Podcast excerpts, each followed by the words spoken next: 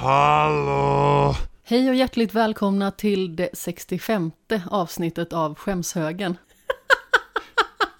Det är jättebra.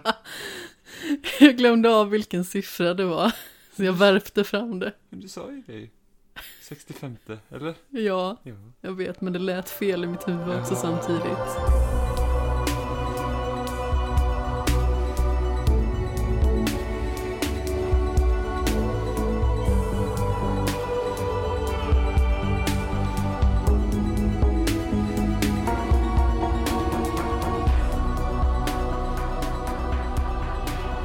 Hej och hjärtligt välkomna till episod nummer 65 i ordningen av Skämshögen med mig Amanda Sten och mitt emot mig i sedvanlig ordning sitter Jimmy Seppele. Igen. Igen! Igen. Vad är det som händer? Eller hur? Det var länge sedan. Ja men exakt, det var inte så länge sedan om man lyssnar på spelsnack för där kommer vi ut varje vecka. Däremot så är ju Skämshögen lite mer sporadiskt och det är ganska så skönt ibland. För att även att vi oftast har mycket liksom att säga om saker så är det ju väldigt behändigt att vi inte har press på oss att eh, släppa ett nytt avsnitt varje vecka utan kan helt enkelt göra det när vi har samlat ihop ett gäng grejer som vi vill prata om. Och eh, framförallt blir det ju att vi inte alltid behöver bolla två stycken podcast samtidigt. Ja, det hade varit ganska mycket att samtala om varje vecka. Men sen så bor ju vi ihop också. Så vi pratar ju en hel del redan om det vi upplever oavsett om det liksom är film, tv-spel eller serier och sådär. Så det kan ju bli att det känns lite grann som att vi upprepar samma sak för varandra om och om igen. Så därför kan det nästan vara bra att ha lite distans mellan det. Och framförallt så försöker jag ju så gott det går att eh, norpa in gäster så att det ska bli lite extra dynamik i det hela. Just för att man får annat att prata om och man kommer på liksom andra referenspunkter och sådär. Men det har ju hänt lite grejer sedan vi språkades vid i Skämshögen senast i alla fall. Och eh, förutom det viktiga i att jag vann den blivande traditionen Påskbiljarden så har, Vilke, vilket förtal! så har det ju hänt något väldigt Jag viktigt ska- för dig. Jag ska faktiskt säga så här att du fick hjälp att vinna den här påskbiljarden för att jag sköt i lika många av dina bollar som mina egna. Det var någon runda du hade skjutit i fli, flera av mina än av dina egna. Ja, vid ett tillfälle ja. Ja, det var väldigt imponerande av dig. Fyra av dina bollar fick jag ju under den omgången. Jag vet inte riktigt hur jag ska tolka detta påhopp. Så du menar att du är så duktig på att skjuta i din motståndares bollar? Jajamensan, borde egentligen få ta, ett pris Så ta här. ingen cred för dina vinster, jag, det är helt upp till mig. Jag tycker fortfarande att jag är lite grann äh, mästaren av gubbsport i den här familjen. Mhm. Men hur som haver, det har ju hänt någonting som är betydligt viktigare än det. I synnerhet för dig. Vad är det som har hänt Jimmy? Ja, jag, jag har fått ett jobb. Du har fått ett jobb. Ja, det är väldigt trevligt. Kan du inte berätta lite om ditt jobb? För vi pratar ju kanske inte så jättemycket om eh, sådant i den här podden.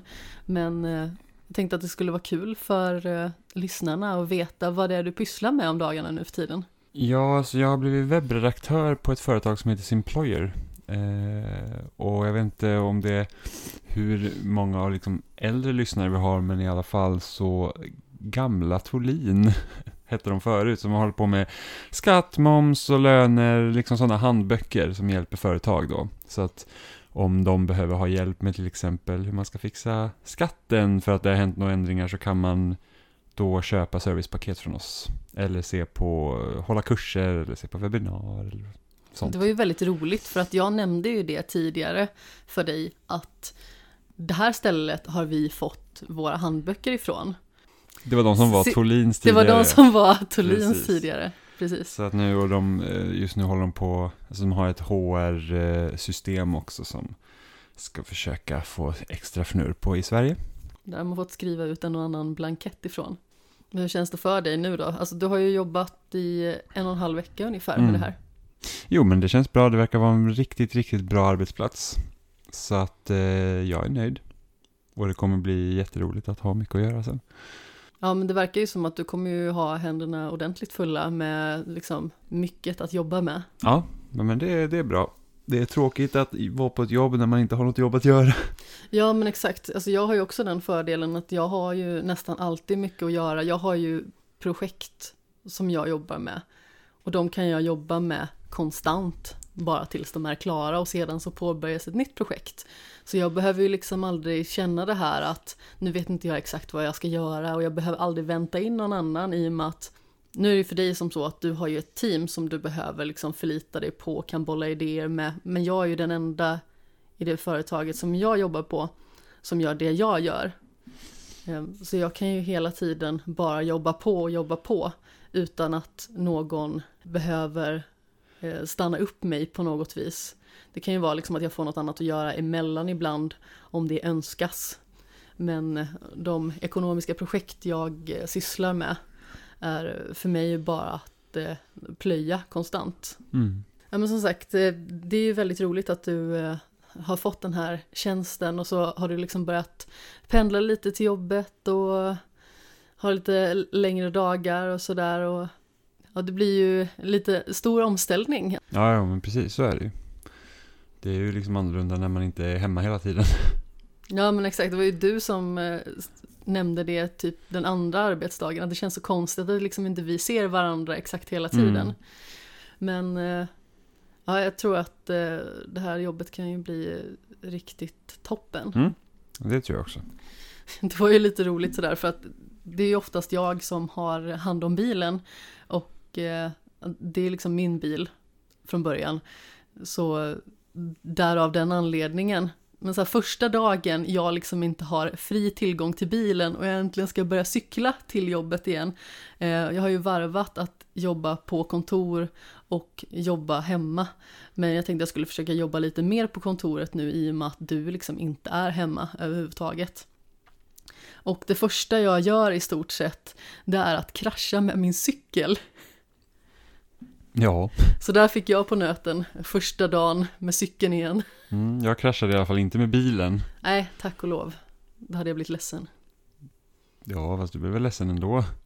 Ja, jag blev ju inte jätteglad kan man ju inte säga. Precis. Alltså grejen var ju den att eh, naturligtvis så regnade det, det var lerigt ute och jag skulle köra upp på en kant. Och eh, när jag skulle upp på den här kanten, jag har ju liksom typ en sån här postkodmiljonärens cykel som jag fick av farmor för att hon inte kan cykla ens längre. Jag tror inte ens hon vet vad en cykel är för att hon är liksom inte riktigt med i matchen.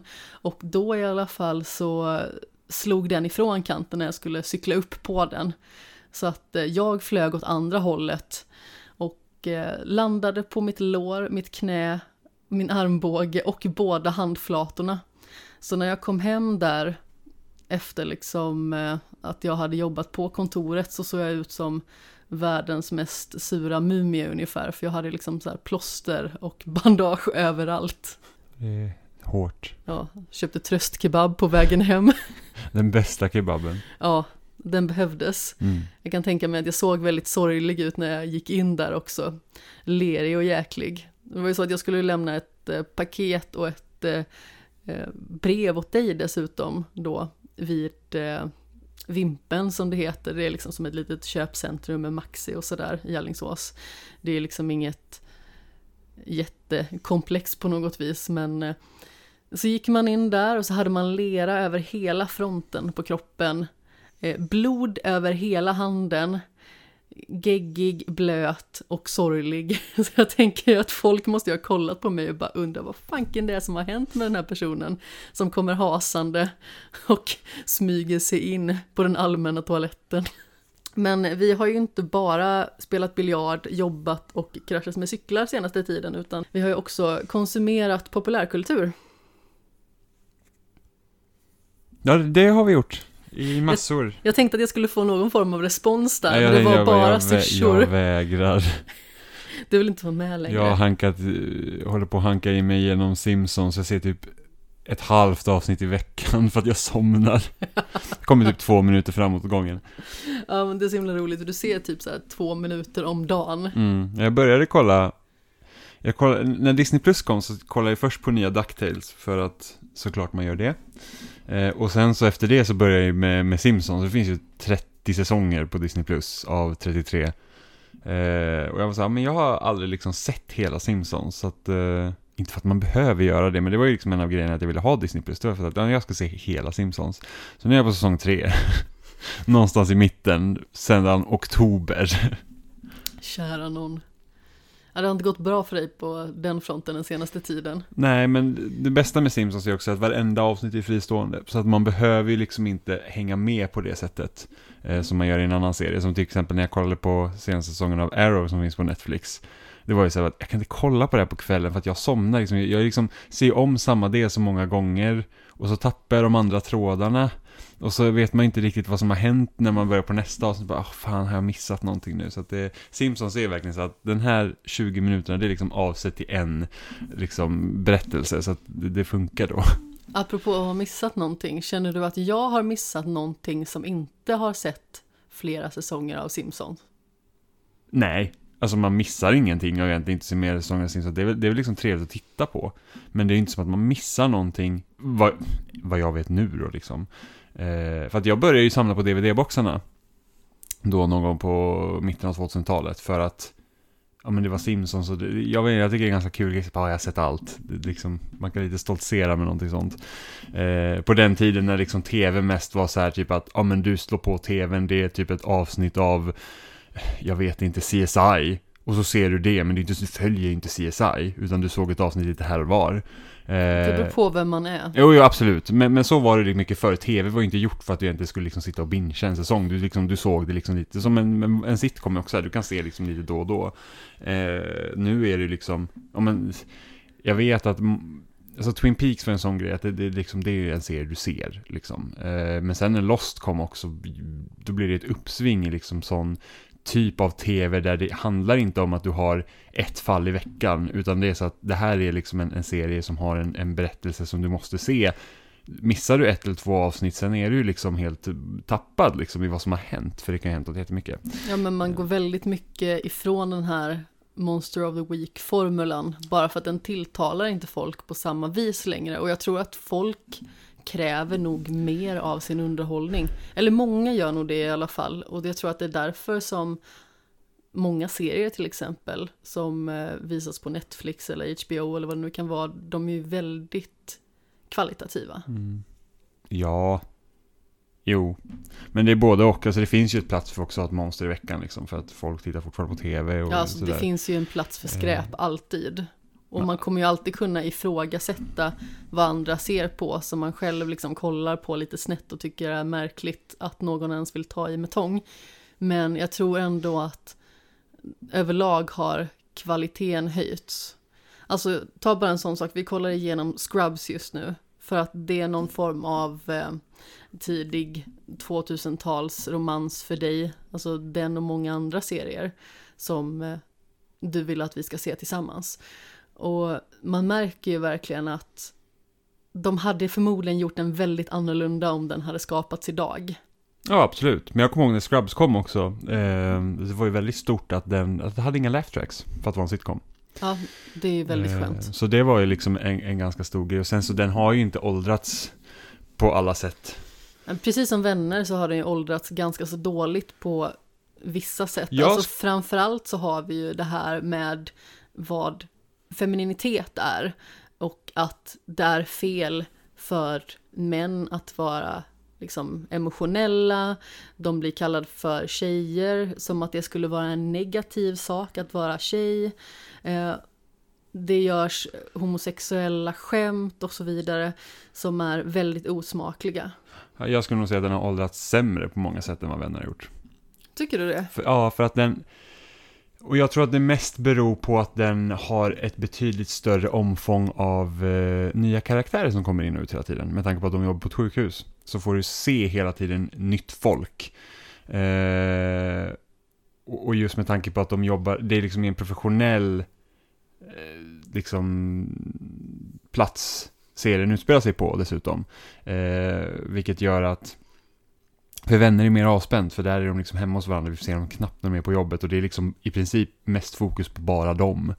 Eh, så är det inte riktigt i Scrubs. Någonting som båda serierna har gemensamt däremot, det är ju liksom det faktum att jag känner att det är väldigt få eller inga karaktärer som jag tycker att man tycker om. För att de är väldigt egocentrerade många av dem och de har väldigt ocharmiga personligheter, de är inte sympatiska.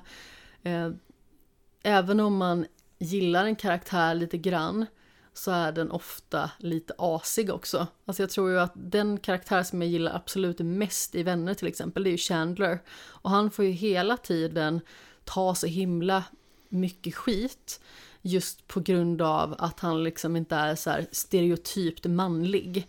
Och därav så gör de hela tiden narr av hans sexualitet trots att han är som sagt heterosexuell, så spelar de hela tiden åt det hållet liksom att han är tjejig och gör väldigt mycket liksom homoskämt.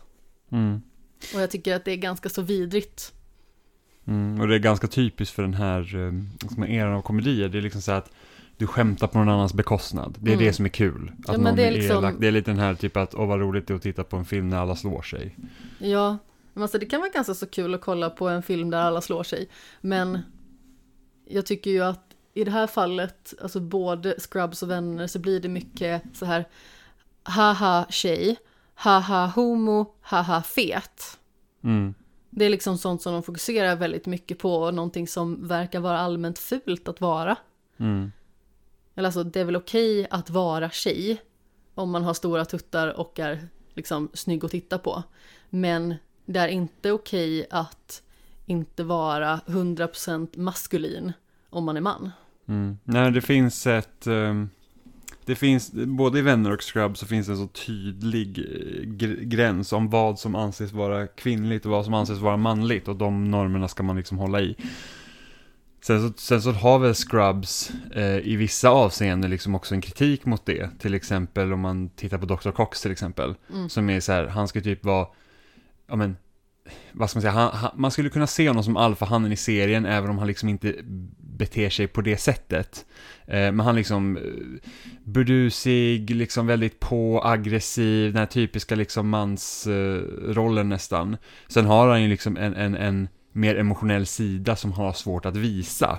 Eh, och det, serien trycker ju på det ganska många ofta att han är en tragisk person på grund av det. Eh, men samtidigt så är ju många skämten går ju också ut på att det är liksom, haha, du beter dig inte som du borde göra. Liksom du håller inte dina, din stereotypiska könsroll här så att, eh, haha, liksom.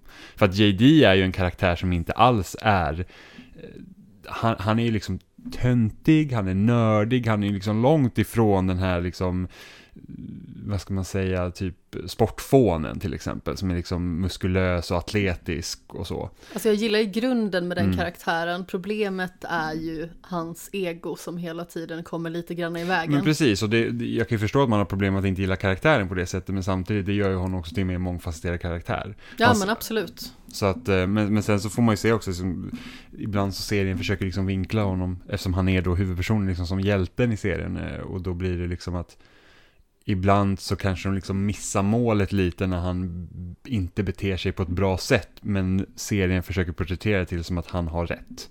Ja, men exakt.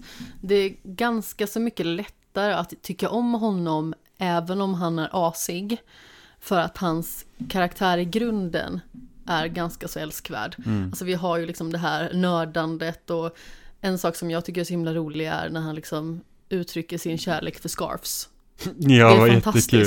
Han liksom försöker också låtsas som att han inte kan. Han bara, nej nej men jag, jag tycker om den här en vanlig liksom, det, det är inget ovanligt för mig att tycka om de här sjalarna. Och sen så liksom har han en inre monolog så här, som kommer bara liksom, sen så bara, I love them. Ja, och det är faktiskt väldigt ja. roligt. Så, så det är en rolig idé med Scrubs just med det liksom att hans livliga fantasi liksom kryddar på hela serien eftersom man får se sketcher och sånt som inte händer utan det händer i hans liksom sinne. Mm. Eh, så, så det är ju ganska kul. Och sen så är hans liksom Hans relation med Turk som är hans bästa kompis, mm. den är också väldigt rolig att se. Liksom. Ja men exakt, och Turk är en sån karaktär som man ganska så lätt tycker om också. Ja. Men sen så har ju, alltså JD har ju ganska så många så här ocharmiga drag. Eh, sen har vi både Carla och, eh, och vad är det Sarah Clarks karaktär heter nu igen? Eh, Elliot. Elliot ja. Eh, båda de två, när de blir asiga så blir de också extremt, vad ska man säga? Det är väldigt svårt att tycka om dem, mm. även när de är asiga.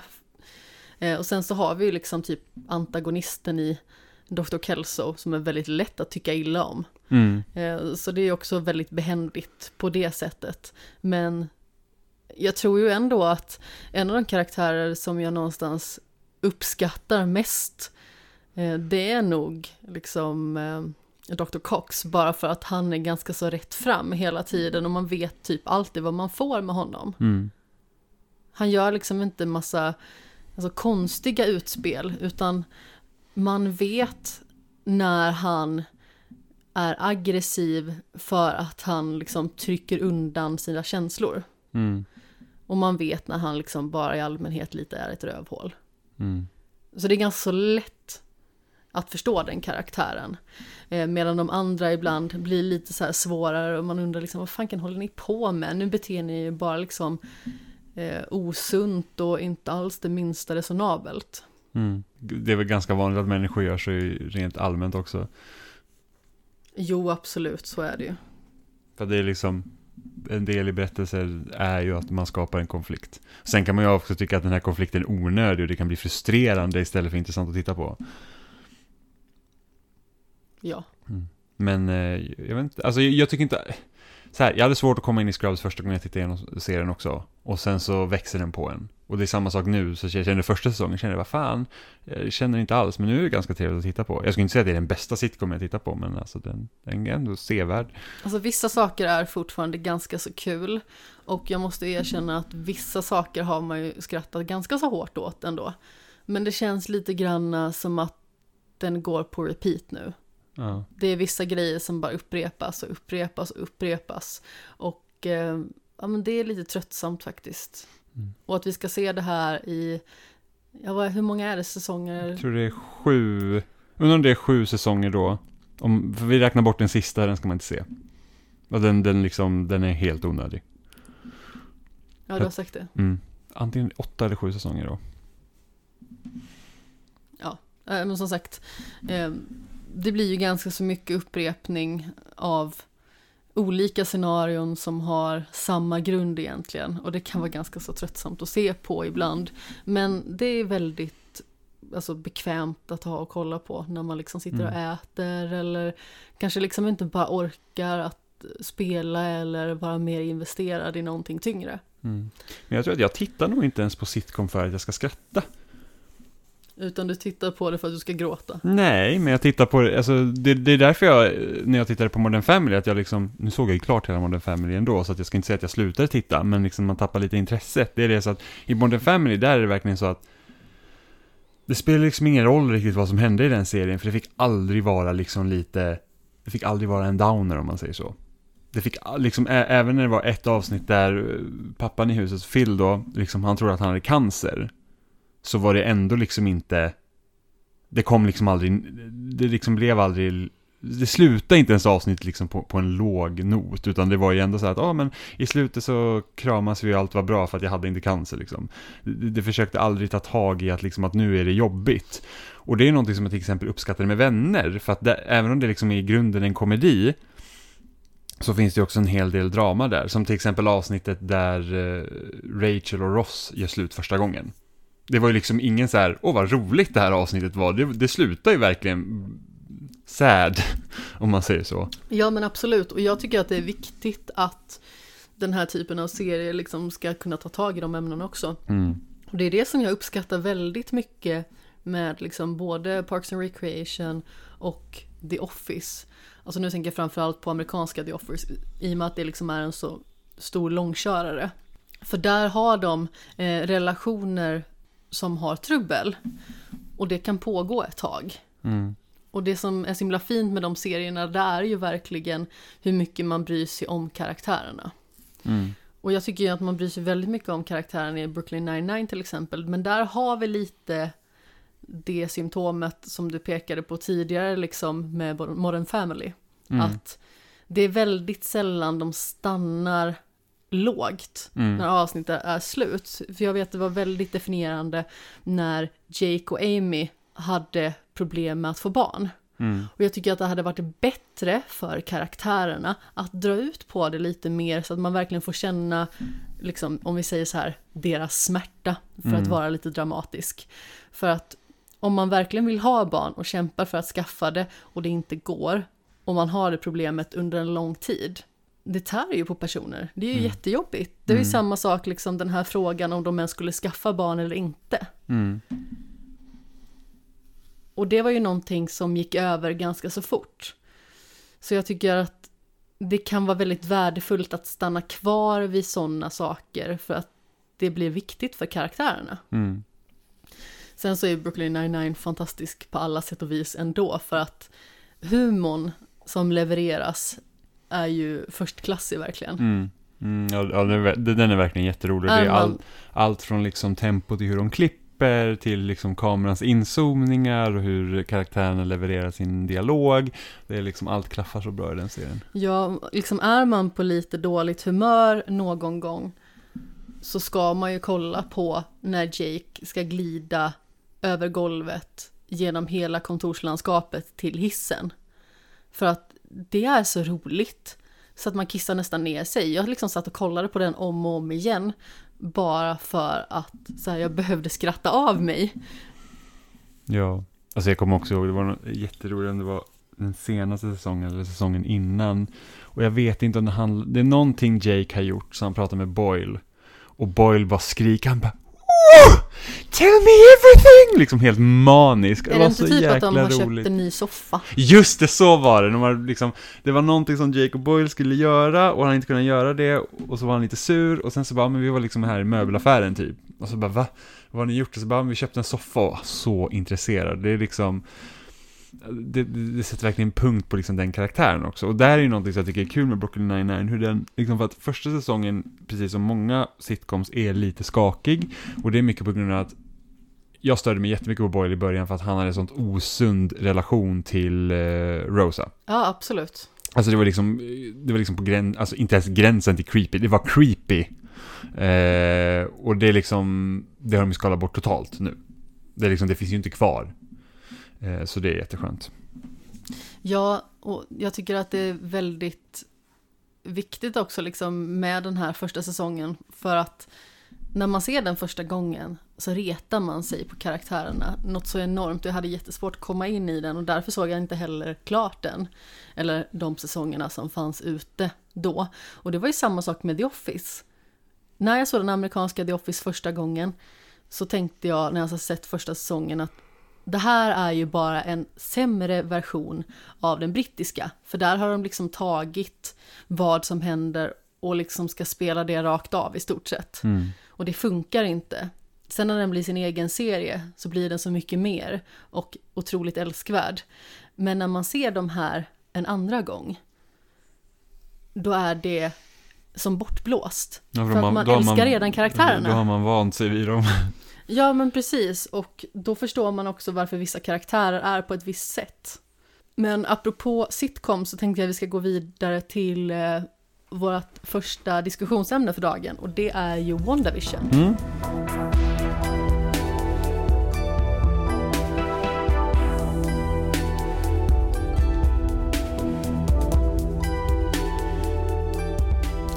Vad är det som händer i WandaVision? Det är ju helt enkelt liksom fortsättningen för Wanda och Vision i Marvels cinematiska universum efter smulningen i stort sett, som jag vill kalla det. Ja, efter, efter smulningen och tillbaka. Nu spelar sig efter Endgame. Ja men exakt. Mm. Och den är ju liksom lite mer, den ju, har ju en struktur som en sitcom, eller liksom en parodi på klassiska sitcom från, ända från 50-talet. Ja men precis, för det börjar ju svartvitt Mm. och sen övergår det successivt i Mm. färg. Eh, för att de går ju igenom olika sorters upplägg för situationskomiksserier i stort sett. Mm. Från då 50-talet till, jag tror att det går in i början av 2000-talet också va? Ja gud ja, sist, sista, sista sitcom-delen är ju en spoof på Modern Family. Ja men precis, jag ville bara minnas att det var så, för jag kommer liksom inte ihåg om de stannade vid 90-talet eller om de liksom gick den här sista också. För Nej, då, 90-talet är ju, som jag har fått förklarat av dig, liksom som eh, Malcolm in the Middle? Ja, det är något, något gränsland där, för Malcolm in the Middle är ju slutet av 90-talet, början av 2000-talet. Sen hade de fullt hus och lite sånt där också som, som Mm. bryggar över. Så att, eh, men eh, det roligaste var att det här Modern Family-avsnittet, jag tror det var typ seriens sämsta avsnitt också, för att det hände verkligen nada. Oj. Ja, nu kommer jag inte riktigt För att det var ihåg typ vad det var som hände i För det. att Vision och hon eh, tjejen med glasögonen, de satt ju fast i typ, typ en glasstruck hela avsnittet och det hände verkligen ingenting. Fast det var ju faktiskt väldigt roligt liksom när de zoomade in på Vision och han bara sa I am not amused. Ja, ja men precis, det fanns ju roliga delar, men liksom rent storymässigt så drog den, alltså, det hände knappt ingenting. Ja, Om men det exakt, inte var- du tänker på eh, tekniken där, helt enkelt. För jag bara såhär, tjejen med glasögon. Ja, men precis, så, att, så hon som har varit med i Tor-filmerna. Ja, men exakt. Mm, så det hände liksom ingenting. Eh, men samtidigt så tycker jag att, det, för det här är ju det första liksom Marvel-serien som vi har fått se nu av jättemånga som ska komma. Eh, och det är liksom lite intressant hur de tar då eh, Marvel-karaktärerna från liksom filmerna och då, då finns det ju ett det, de har inte två timmar på sig att berätta en historia utan de kanske har eh, tio timmar att berätta en historia. Eh, och då finns ju också en möjlighet att gå in mer på djupet på karaktärerna, vilket jag hoppades att WandaVision skulle göra. Eh, jag är ju inte lika lyrisk över den här säsongen som många andra har varit. Och jag tror att mycket grundas i det också att de som verkligen är inbitna i, alltså inte bara i Marvel-filmen utan även Marvel liksom serietidningarna som liksom förstår och ser alla referenser som dyker upp här och var, de letar efter det. Jag trodde du skulle säga Marvel Lauren. Jaha, ja men Marvel Lauren kan man också säga. Vi Eh, diskuterade det för ett tag sedan att jag hade aldrig kommit i kontakt med själva ordet lore innan jag började lyssna på podcast. Så jag blev så himla förvånad och förvirrad när de började prata om Batmans lore. Mm. Och jag bara så här, vad är det för lore ni pratar om? Batman Jag förstår har liksom inte. riktigt Framsida lår. Ja. lår, så här quadriceps femoris, det baksida lår, lite hamstrings. Eh, Jag blev väldigt förvirrad i alla fall. Eh, Men sen så förstod jag ju att, ah okej, det är liksom själva berättelsen kring. Mm. Eh, så, så det tror jag att är behållningen för många och därför höjer de upp skyarna. För det är samma sak det här senaste avsnittet av Falcon and Winter Soldier som går nu på Disney+. Plus. Eh, är det att många tyckte att det här då mittenavsnittet, alltså avsnitt tre, och det ska bli sex totalt. De bara, ja ah, men det här är typ det bästa någonsin. För att det gjorde massa referenser till andra Marvel-grejer. Och det var 100% tråkigt tyckte jag. Yes, för att de två första avsnitten av Falcon and Winter Soldier tycker jag är riktigt kanon, för det gör det det gör lite det som jag hoppades att WandaVision skulle göra och det gör det som ofta saknas från själva filmerna och det är det att ett, det är en ganska absurd värld de lever i med tanke på att det finns superhjältar med superkrafter och det är gudar hit och dit och det är liksom aliens och allting. Alltså, det, ingenting är omöjligt och numera magi. Eh, hur påverkar det karaktärerna? Och det är någonting som Netflix Marvel-serie gjorde i alla fall bra i Daredevil och till viss del Jessica Jones och halva Luke Cage. Eh, är ju det att Vad hände med karaktärerna Ja, och sen, emellan? och sen vad händer med karaktärer som faktiskt har de här förmågorna liksom? Det, de är också människor och, Mm. och att världen behöver inte alltid räddas. Och så är det i WandaVision, det här är ju inte en värld som ska räddas, inte något som håller på att gå under, utan hon har ju stängt in den här lilla staden i sin egen liksom drömbubbla. Ja men Eh. exakt. Det är ju liksom hennes sätt att eh, processa sin sorg. För vi kan ju dra lite bakgrundshistoria. Om man inte har sett den och inte vill se den så handlar det ju mångt och mycket om att det är ett litet samhälle som helt plötsligt bara försvinner från kartan i stort sett. Eh, Och det visar sig att det är omslutet av en openetrerbar barriär. Då skapad av Wanda Maximoff. Och eh, det inleds ju liksom med att eh, Wanda och Vision då flyttar in i ett hus. Det är liksom hela den här eh, sitcom-settingen eh, som spelas upp framför en och det är väldigt så här, typiskt 50-tal och det är återigen svartvitt. Sen så eh, blir det liksom ett nytt avsnitt och då är det 60-talet Ja, istället. Så de hoppar liksom fram hela Precis, tiden. och stilen på kläderna förändras, själva tonen i avsnittet förändras och så vidare. Och sedan så börjar man mer kunna se då liksom från liksom utvärlden eh, vad som händer. För att de har liksom en tv-apparat där man liksom kan se vad som sker där inne. Mm. Och det hela spelas upp som situationskomiksavsnitt Mm. helt enkelt. Eh, och det som jag tycker om med serien framförallt, eh, det är ju liksom sättet hon hanterar sin sorg för att hon har förlorat någon hon älskar. Eh, och det avspeglar, tycker jag, ganska så väl eh, en väldigt liksom mänsklig sida. För att även liksom verkliga människor som drabbas av sorg kan ju sluta inne sig i sig själva.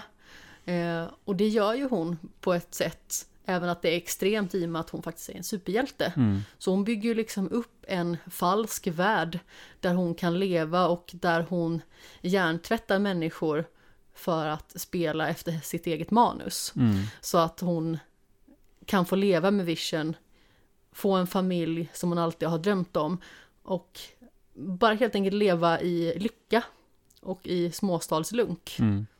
Och jag tycker att det tar alldeles för lång tid innan man ens kommer till något vettigt. För att det håller på så länge med de här sitcom-grejerna. Och det är först, jag tror det är näst sista avsnittet där man faktiskt får liksom reda då på att det här är varför det ligger till så, vilket vi listar ut typ i princip på en gång.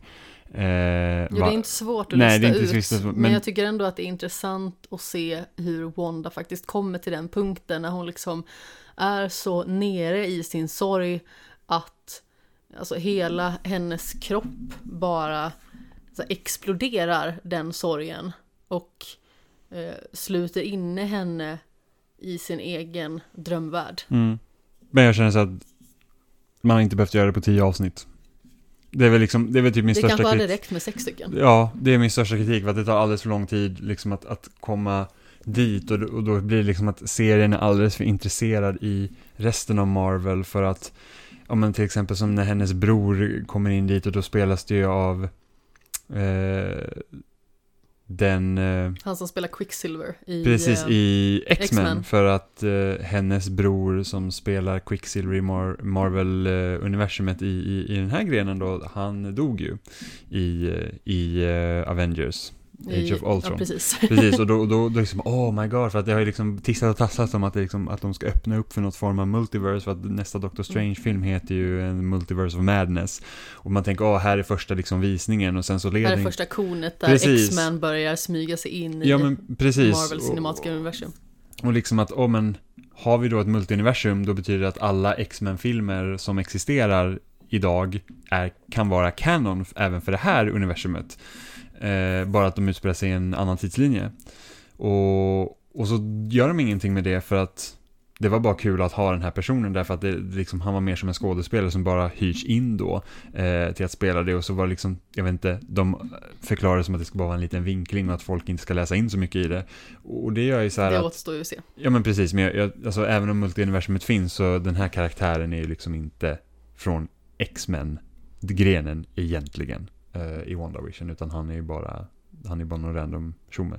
Ja, men precis just där i. Ja, men ja precis, och sen så, Känner man till X-Men och framförallt om man har sett de senare filmerna Jo, så jo. känner man igen honom också. jo jo, precis, men det, det var Vad ju är det, han heter? Evan Peters va? jag tror det. Och, men det var ju det, folk trodde liksom att nu öppnar de upp. Och så gör de inte det, och det, det tror jag också bidrar till att folk var så himla investerade i den här serien för att det skulle kanske leda till någonting större. Eh, och sen så är det ju väldigt, sen tycker jag det är väldigt tråkigt också att sista liksom avsnittet avslutas i, i typisk Marvel-anda och det är att ha en stor CGI-fest av strider. Och jag känner liksom att de här serierna, alltså, och det här är min personliga åsikt, liksom att de behöver inte ha de här stora flashiga grejerna. Liksom låt, låt dem gå in på det mer emotionella på superhjältarna. Du behöver liksom inte ha du behöver liksom inte ha att det finns en liksom stor skurk för det alla. är mitt problem med den här serien. Alltså jag tycker nog att serien är bättre än vad du tycker att den är. För att du är ju mycket mer lyrisk också över Falcon and the Winter Soldier än vad jag är. Ja, men- De två första avsnitten var jättebra. Men alltså de var bra. Men samtidigt så tycker jag att WandaVision också var bra. Um, mitt problem som sagt det är att det finns en skurk. För jag tycker att det är helt överflödigt. Det behövs inte en skurk för att leda Wanda till liksom hennes då förståelse av vad det är som har skett. Det behövs ingen skurk för att skapa Scarlet Witch som hon blir. Alltså, den skurken är så 100% överflödig. Och jag tycker att eh, Catherine Hahn, som då spelar den här häxan, hon gör sig väldigt bra i rollen som den här skitjobbiga grannen. Eh, och visst, hon hade kunnat vara en helt annan person, men jag hade liksom föredragit att hon kanske hade varit en spion eller någonting sånt istället. För att jag tycker att det blir så jäkla mycket och det blir så himla frikopplat från resten av serien. Jag tycker ju att med tanke på temat så känns ju serien ändå väldigt jordnära. Jag menar det är superhjältar som lider av väldigt jobbiga psykiska åkommor, eller hur? Mm. Och sen så har vi ju Vision som han vet ju liksom inte heller vad som händer utan han har ju problem med att förstå varför han finns i stort sett. Mm. För att han är ju liksom inte en ver verklig eh, varelse eller vad man ska säga. För, alltså han är Han ju är en in- artificiell intelligens. Precis, inte, Men det är ju liksom inte hans... nej, han är inte Vision för att Vision finns egentligen inte. Ja men precis, för att Vision dog. Ja. Men Eh, sen så läggs det ju upp lite för hur han ska kunna komma tillbaka ordentligt och sådär också. Men jag menar, de bollar ju väldigt mycket med väldigt känslomässig tematik. Och sedan så kommer det här liksom överdrivna lillfinger i mungipan häxeriet in och jag tycker att det blir för mycket. Och vissa grejer kan vara ganska så roliga. Sen så, jag har lite svårt för Catherine Han också om jag ska nej, vara jag, jag, helt tycker, ärlig. jag tycker att hon är bra. Men alltså jag tänker framförallt på hennes roll i Parks and Recreation som den här svinjobbiga advokaten. Och jag tycker så djupt illa om henne i den rollen och vill bara liksom sparka henne i röven i stort sett. Um, jag är ingen våldsam person på något vis men det är liksom den känslan jag får när jag ser henne i olika typer av roller och jag tycker att Alltså visst, hon gör säkert ett bra jobb för att när jag tänker på henne så tänker jag att hon är så asig i verkligheten, vilket förmodligen inte stämmer. Men det är liksom den känslan jag får. Mm. Men jag tror att den största grejen med WandaVision är att det som händer i den här, eftersom det är mycket, det är mycket egentligen både nya Vision och eh, Wandas liksom origin story som man säger så. Ehm, men det är just det att jag tror att den här boken som hon får i slutet och liksom där Wanda slutar upp efter serien är slut kommer ha väldigt stor påverkan på kommande filmer. Så att den här eh, serien känns ju som att den sätter i saker i rullning som kommer ha väldigt stor betydelse längre fram. Mm, säkerligen. Och sen så har vi ju eh, Rambo också, som eh, är dotter då till eh, Carol Danvers bästa vän, som också får en ganska så framträdande roll liksom i den här serien. Eh, så där har man ju också inkorporerat en karaktär som med stor sannolikhet kommer bli ganska viktig. Mm, och, och, som sagt, det kommer, den här knyter ju an förmodligen till Captain Marvel 2. Och Mm, den som kommer hända där. exakt. Men vi har ju faktiskt sett lite svensk film också. Det är ju nämligen så att eh, den här filmen Spring Uje Spring fanns uppe ett litet tag på SVT Play så vi passade på att se den. Eh, regisserad av Henrik Schyffert så jag blev ju väldigt intresserad av att se den. Just på grund av att jag tycker att han är väldigt rolig. Jag tycker att eh, han och Nour El Fais podd, eh, Nors podd, podd och Henrik, som är en av få poddar liksom, som jag följer, är otroligt rolig och har ett väldigt liksom, charmigt upplägg. Ehm, och där har det liksom pratats väldigt friskt om den här filmen i och med att den hade ju också lite otur då den kom liksom under pandemiåret och sedan så eh, blev den stoppad och eh, kom liksom inte upp på bio när den skulle och sådär. Och eh, eh, sedan så kom den upp på bio i slutet av förra året tror jag.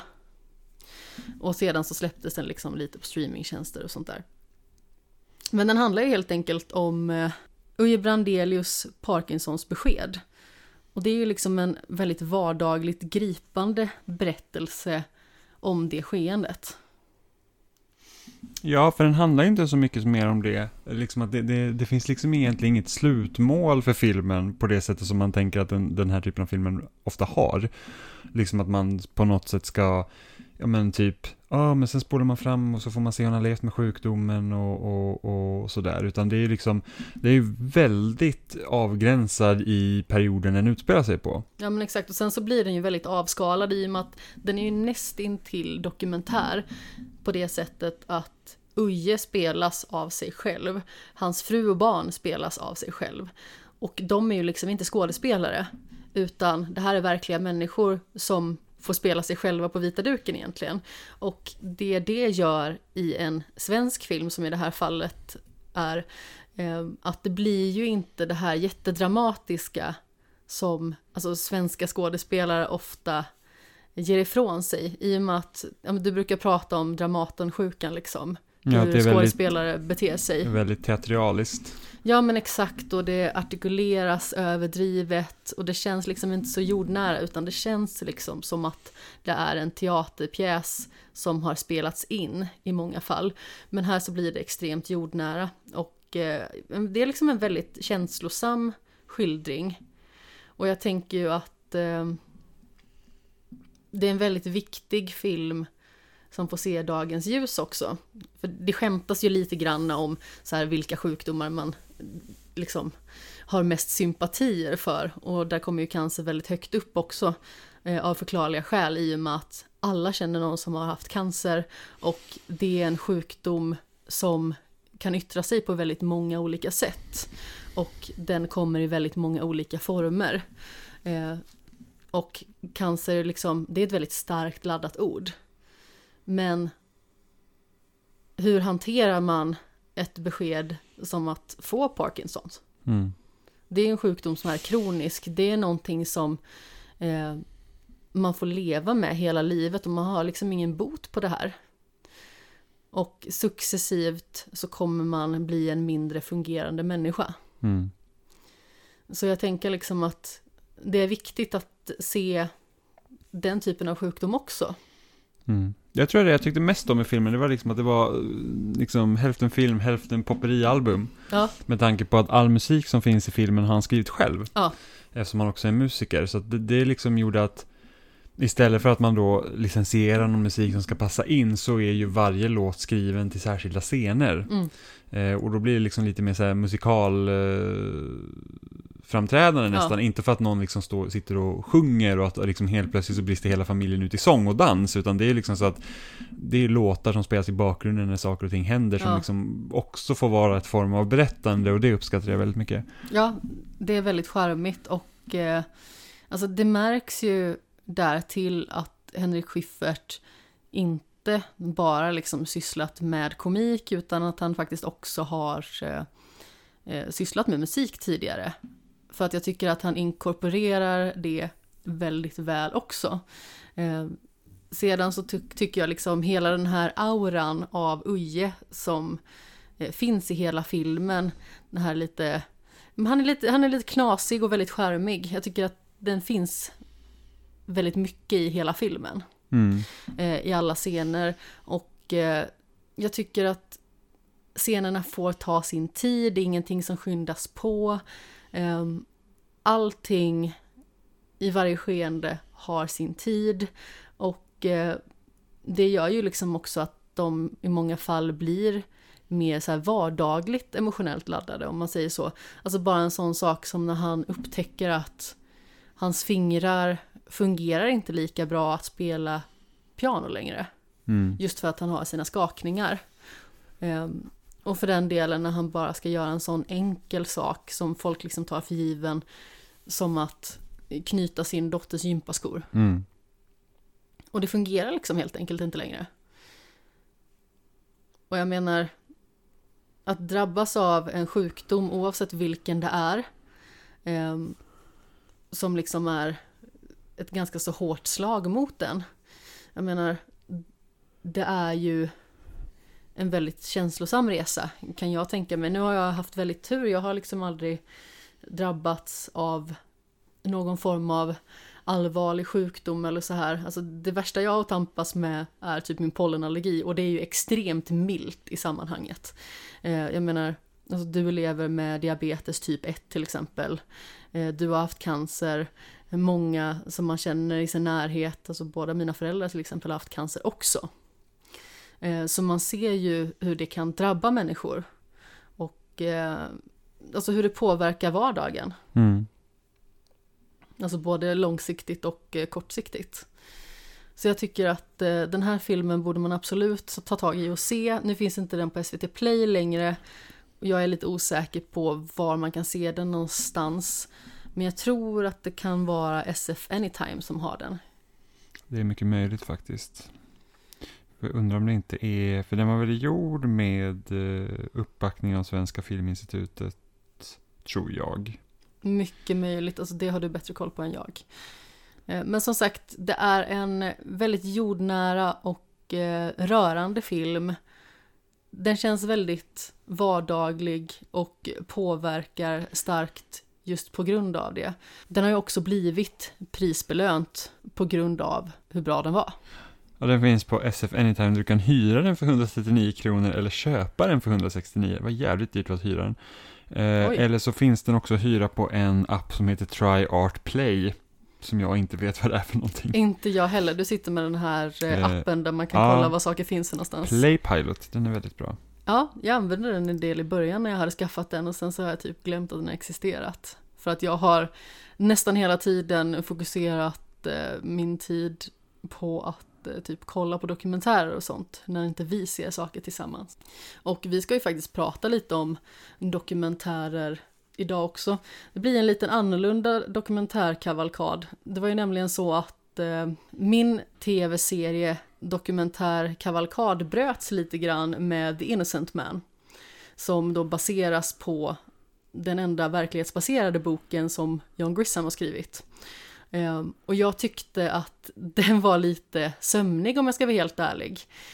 Så därför så, så tappade jag lite mitt momentum i den svängen.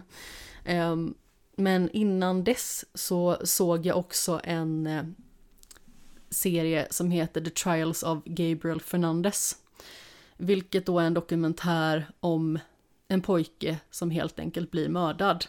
Och eh, det är något av det bästa faktiskt som jag har sett hittills i år. Eh, verkligen på gott och ont om man säger så. Jag tror att på svenska så heter den bara eh, Fallet Gabriel Fernandez, mordet på en pojke. Och det handlar helt enkelt om en åttaårig pojke eh, som blir intagen med ambulans till sjukhuset och senare avlider av extrema skador. Eh, föräldrarna som har ringt det här larmsamtalet, de hävdar liksom att eh, pojken och hans bror har typ skojbrottats eller någonting sånt. Och att det då har förorsakat hans skador. Men det visar ju sig att den här pojken har blivit torterad i flera månaders tid. Och dessutom så har lite mer auktoritära makter som eh, polis och socialtjänst och sådär eh, sett förbi allt det som han faktiskt har utsatts för. Och det är ju någonting som eh, när det liksom eh, kommer upp för eh, rättegång mot då mamman och styvpappan som åtalas för då mord helt enkelt. Det är någonting som slår väldigt hårt även mot de socialarbetare som har arbetat i området. Så det är faktiskt ganska så många som på den fronten ställs inför rätta också. Just för att de inte liksom har gjort sitt jobb ordentligt. Och den här pojken har som sagt torterats i flera månader. Han har liksom olika typer av eh, inte riktigt läkta frakturer vill jag minnas. Eh, olika sår, blåmärken. Jag tror att han har typ så här eh, cigarettbrännskador på sig. Eh, när de gjorde obduktionen så hittade de en substans i magen som vad de upptäckte var kattsand som eh, han tvingades äta och Eh, han blev också inlåst i ett litet skåp där han kunde vara i väldigt många timmar i sträck. Ibland, vad jag förstod, dagar. Eh, han misshandlades och torterades och eh, skadades så pass illa under en så lång period så att till slut avled han helt enkelt. Jag har ju sett en hel del sådana här grejer eh, och jag brukar säga att jag brukar klara av det mesta men det här var så extremt magstarkt och jag kände liksom när jag såg det här att jag hade typ så gråten i halsen konstant. För det är liksom en stor skillnad när det är någonting hemskt och att man förstår att det är hemskt. Men det är liksom en helt annan sak att verkligen känna hur hemskt det här, för det här är liksom ondska, verkligen. Och jag förstår inte hur en mamma kan behandla sitt barn på det här viset. Eh, nu kommer jag inte ihåg exakt hur det var för att det var ett tag sedan jag såg den här. Men hon fick liksom tillbaka vårdnaden om sin son. För att hon hade liksom inte haft den för att hon kunde inte ta hand om honom. Och sedan så eskalerade det helt enkelt därifrån. Men liksom att ta ifrån den här pojken all sin värdighet och eh, behandla en sån maktlös individ på det viset. Att det är helt bortom mig verkligen. Jag förstår inte alls hur man någonsin skulle kunna överväga att göra någonting sånt här. Det är verkligen fruktansvärt och jag vet ju liksom att det finns galna mördare där ute som gör så himla hemska illdåd där de eh, gör saker som är helt otänkbara. Men det här är något av det värsta som jag har sett liksom. Eh, både när det har filmatiserats och eh, dokumenterats. Och man blir så himla djupt berörd av det. Jag vet inte om du såg någonting av det Jimmy överhuvudtaget Nej, när jag kollade jag tror på inte det. att jag såg så mycket. Jag tror att det var mitt uppe i mitt Yakuza-spelande. Ja, men det var det nog. Men som sagt, det, det är verkligen vidrigt. Och jag liksom var tvungen att pausa i mitt tittande aktivt bara för att jag liksom kände att jag orkar liksom inte se på det här mer. Det är viktigt att se det, tycker jag ändå, för egen del. Bara för att det är viktigt att belysa att det finns sådana liksom ondskefulla människor där ute. Eh, och vad de gör mot andra människor. Men eh, ja, det var fruktansvärt tungt verkligen. Om man känner att man verkligen vill må riktigt dåligt så se den här. Men jag kan allvarligt säga att om man är riktigt känslig på den punkten så eh, se inte den här. Eh, alltså, på ett sätt rekommenderar jag naturligtvis att man ska se den. För att Men- den är bra och den är viktig. Men det är, Men samtidigt- starka, det är starka scener. Det är starka bilder, det är starka reaktioner, alltså bara den här eh, åklagaren tror jag att det är som man får följa en hel del. Alltså hans emotionella yttringar kring det här fallet, alltså det är så himla starkt. Och jag tänker liksom att det påverkar ju den här lilla delen av Kalifornien då väldigt mycket under en ganska så lång period. Och det värsta är ju att man tyckte ju liksom då, antar jag, att det här är liksom starten eh, på att belysa den här typen av alltså misskötsel, eh, minst sagt, av barn. Och i slutet av dokumentären så visar de att ja, men det har kommit ett till likadant fall. Och det var nog liksom något av det absolut värsta. Alltså det händer en gång, tänker man, och sen så händer det någonting, alltså i typ samma område, som är i mångt och mycket likadant och lika hemskt. Eh, också en liten pojke, och det finns ju liksom så himla många lager i det här också för att, alltså dels så har vi ju styvpappan då, som är väldigt våldsam och Eh, väldigt homofob. Det ska också liksom sägas att den här lilla pojken har ju i stort sett men, kommit ut då, vad jag förstod. Och samma sak med den, den andra lilla pojken. Sen så har vi ju mamman, och hon är ju den värsta. Eh, alla som har träffat styvpappan tidigare har liksom vittnat om att han var liksom en, alltså en ganska trevlig person. Men hon verkar verkligen ha tagit fram de värsta sidorna ur honom. Eh, och verkar också vara en väldigt eh, ond person. Så att de två eh, tillsammans skapade ju verkligen alltså, ren förödelse. Och det är alltså vidrigt att se. Och det bara staplas onda saker på onda saker och man får liksom följa eh, personer i deras omgivning, alltså släkt. Eh, och även eh, den här lilla pojkens eh, lärare och sådant. Som har försökt att rapportera om den här misshandeln och tortyren. Men det har liksom negligerats, säger man så? Ja, kanske. jag är osäker. Som sagt, alltså det har ignorerats helt enkelt och eh, setts förbi. Alltså jag har inte så jättemycket mer att eh, tillägga just nu, alltså det är väldigt eh, uttömmande att bara rabbla upp allt det här ändå just nu. Eh, jag rekommenderade eh, vår kära vän Emma att se den också. Eh, och hon tyckte liksom precis likadant som jag att eh, det är något av det värsta man kan tänka sig att se. Liksom.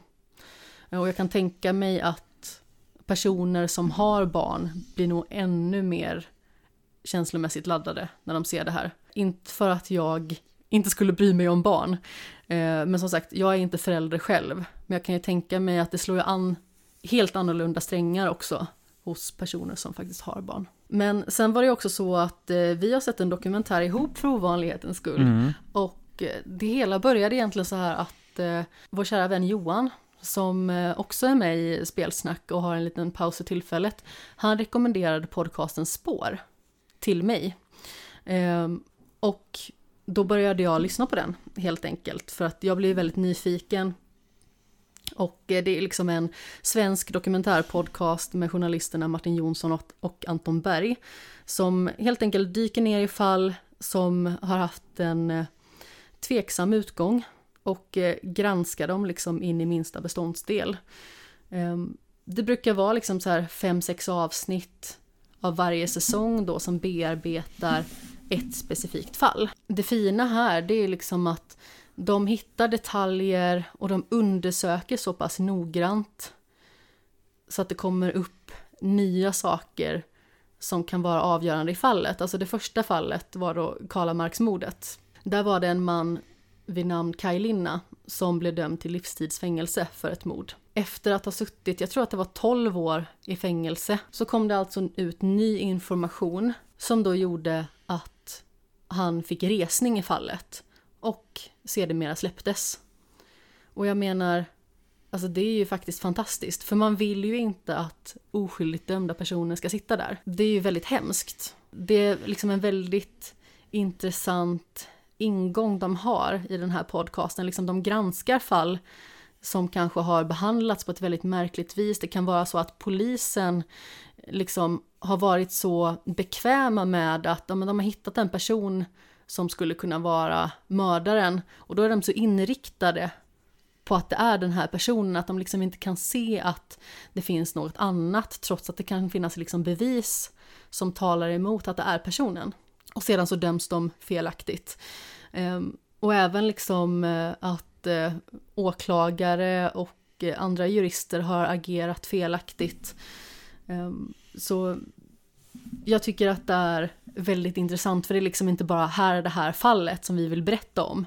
Utan eh, det här är grävande journalister som går in på djupet och kollar noggrant vad det var som hände, vad kan ha missats, vad kan man liksom behöva tänka på i framtiden också när man har ett sånt här fall.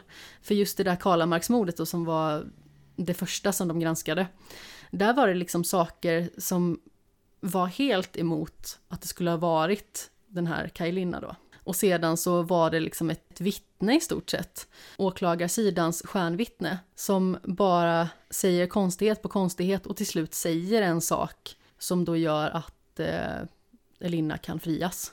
Det fanns en anledning nu att helt enkelt ge honom resning och eh, i det här fallet fria honom då. Men det som vi har då sett, jag kände att det var en ganska så lång eh, sån här eh, sidospår av mig. Vi har sett deras dokumentär Knutby i blind tro. Mm. Och som sagt, det är samma journalister som har gått in på det här fallet som eh, verkligen skakade ett litet samhälle men också slog väldigt hårt nationellt. Om man säger så. Och internationellt. Ja, internationellt också. Mm. Eh, Det blev stora rubriker vet jag i USA och CNN och grejer. ja, det är ju två personer som är offer, framförallt vid det här eh, mer uppmärksammade tillfället. Och då är det ju Alexandra Fossmo som blir mördad och eh, Daniel Linde som eh, eh, överlever ett mordförsök. Eh, och det här händer liksom i ett litet samhälle utanför Uppsala. Och vad har du för relation till det här fallet? Jag är uppvuxen i närheten. Jag är inte uppvuxen i Knutby. Men jag... Eh, alltså mitt första hem var i en liten by som heter Rörsby. Som ligger kanske en eh, kvart, 20 minuter från Knutby. Eh, och Rimbo, Norrtälje, alltså det är Roslagenområdet helt enkelt. Så jag är liksom uppvuxen i, i de krokarna helt enkelt. Var bodde du när det här skedde? Ja, då hade vi flyttat till Enköping redan, så okay. då bodde jag inte nära. Eh, Fast det är inte så långt borta, alltså det är ju ändå Uppsala län. Ja, jo, jo, men det är liksom behörigt avstånd om man säger så. Det, Enköping ligger på gränsen till Västmanland dessutom. Så. Mot Uppland då. Så att, ja. eh, så att det, så då var det ändå, det tar ju ändå en, en och en halv timme, nästan två timmar att åka till Knutby från, från där vi bodde. Sen, ja, det är så pass? Ja, det, det, det är ganska långt, för det ligger... I mitt huvud var det kortare. Ja, nej, nej, det, det, det är en bit liksom, så att... Eh, så det gjorde att det blev väldigt intressant liksom, när det hände, för att liksom Knutby, det är, alltså, det är en jätteliten ort. Alltså det är en liten håla, ja. verkligen. Och eh, jag kommer ihåg att jag blev väldigt nyfiken på det här fallet också då eh, och försökte följa det så mycket som möjligt, vilket kanske är lite absurt när man är 12 år gammal. Vi var ju 12 respektive 13 år liksom när det här uppdagades. Och eh, det är ju så många turer fram och tillbaka och så många liksom hemska skeenden på varandra och jag tycker att det som den här dokumentären gör så himla skarpt, det är liksom att belysa alla dess beståndsdelar verkligen gå in på djupet av vad det är i den här församlingen liksom som är så galet. Ja, men liksom, vad, vad var det som hände? Alltså det, det, det mm. jag tror är mest absurda är ju liksom det att det var ju en vanlig pingsförsamling och sen har du liksom två människor som kommer in i den mm. som gör att det blir helt koko. Ja, en alltså, från Kristinehamn då, bland annat eh, Helge Fossmo då. Mm, och sen då eh, Åsa Waldau. Åsa Waldau som då är då Kristi brud. Och, då, och det blir ju sån himla, alltså bara liksom så här att bara det att en sån här församling då anser sig liksom då ha hittat liksom då Jesus liksom blivande fru så att säga. Att av någon anledning så skulle det vara en liten, liten ort liksom i, i, i Sverige där, där liksom en sån person finns. Men sen liksom också att alla bodde ju nära varandra, så det liksom blir som deras lilla bubbla. Och då blir det här så himla viktigt. Och då, då tänker man då en, en karaktär som Helge Fossmo, som liksom bara måste ju av någon anledning älska och ha makt över folk. Jag, jag, kan inte ens tänka mig att han själv trodde på det. Jag vet faktiskt inte riktigt heller. Alltså, jag tror ju att de två karaktärerna som vi liksom pratar om nu, som är så himla centrala i liksom hela den här Knutby-historien. Helge Fossmo och eh, Kristi brud då, helt sonika. De har ju olika slag av narcissism mm. som är väldigt tydliga. Alltså vi har ju Kristi brud då som eh, inte uttalar det rent i media men höjer upp sig själv då som eh, Jesu blivande fru, helt sonika, och eh, hon tycker att hon är viktigare än alla andra själv. Även att hon utåt hela tiden låtsas att hon är inte viktigare än någon annan. Men det har man ju fått höra då eh, från vittnen på insidan att hon har ju misshandlat folk. Hon sätter sig liksom över folk och eh, torterar dem både fysiskt och psykiskt för att få sin vilja igenom. Hon vill bli behandlad som en drottning och alla ska liksom lyda hennes minsta vink. Annars så är de inte värdiga. Och blir man ogillad av henne, då är man så gott som dödsdömd i stort mm. sett i den här trakten. Och sen så har vi ju liksom Helge Fossmo som, jag skulle säga liksom nästan lite mer åt psykopathållet. Manipulerande, så liksom in i minsta detalj, eh, förstör folk helt enkelt och får dem att göra saker som man aldrig hade kunnat tänka sig att de skulle kunna göra. Mm. Och då pratar jag ju framförallt då om Sara Svensson, eh, barnflickan, även känd som, som då eh, enligt utsago mördar en person och försöker mörda ytterligare en annan person. Det känns som att han älskar den makten. Det känns som att han älskar att kunna styra folk eh, likt marionetter på något vis. Det är väldigt läskigt när man kollar på intervjuer med honom. För att han känns så himla avslappnad och så himla bekväm och nöjd med sig själv. Mm. Även att han liksom sitter i ett polisförhör. Och även att han liksom har varit frihetsberövad under lång tid. Och försöker ändå liksom få en att tro att det inte är han som har gjort någonting och försöker skylla ifrån sig på andra.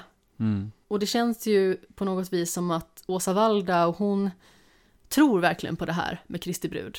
Jag tror liksom att när hon säger att det är hon liksom som är Jesus blivande fru, så tror hon det på riktigt. Mm. Men jag tror nog på något vis att Helge Fossmo inte fullt ut tror på allt det här. Utan jag tror att det här liksom är en psykopat som verkligen har tagit vara på folks tro och vridit den till sin spets. Mm. Vad tror du liksom om själva skeendet? Alltså det har ju varit väldigt mycket tvister om det där också. Är det verkligen barnflickan som har gjort det? Eh, De granskar ju ganska så noggrant också liksom att det kanske skulle finnas möjlighet att hon hade en medhjälpare för att det finns fotspår som pekar på att hon inte kan ha gått den vägen hon säger att hon har gjort. Det finns dessutom eh, tekniska bevis som talar emot henne just för att eh, Alexandra Fossmo dödades med påsittande skott, det vill säga att eh, då den här revolven ska vara antingen direkt mot hud eller max 10 cm ifrån. På rekonstruktionsfilmen så visar ju hon att hon står ganska så mycket längre ifrån. Mm. Så det har ju liksom tvistats då om det verkligen är hon som har gjort det. Men även i det här fallet så är det så här, polisen har ett sånt förtroende för att det hon säger är sant. Ja, så att det är liksom, det, det finns, de ifrågasätter liksom inte egentligen det överhuvudtaget. Utan det den bevisningen de för, det är liksom för att de har liksom ställt in sig på att det är då Helge Fossmo som har manipulerat henne, vilket jag också tror. Liksom, det, det, finns liksom, jag känner att det finns ingen tvekan om att han är eh, skurken i det hela. Liksom. Nej men precis. Om vi säger så här, vi har ju Sara Svensson. Hon har inget motiv till att mörda de här två människorna.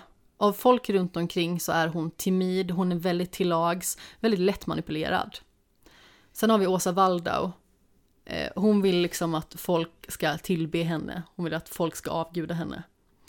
Jag tror inte heller att hon vinner någonting direkt på att hennes syster mördas. Sen så har vi Helge Fossmo som har en älskarinna och det är Daniel Lindes eh, bättre hälft. Ja, Så han är den enda som har ett solklart motiv.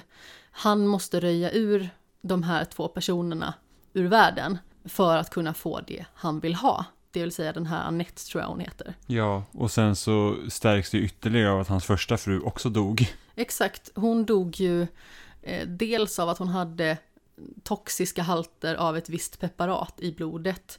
Plus att hon har liksom ett sår i huvudet som man tror har förorsakats av att hon har fått huvudet dunkat i eh, badkarskranen. Mm. Det liksom styrker ju det hela.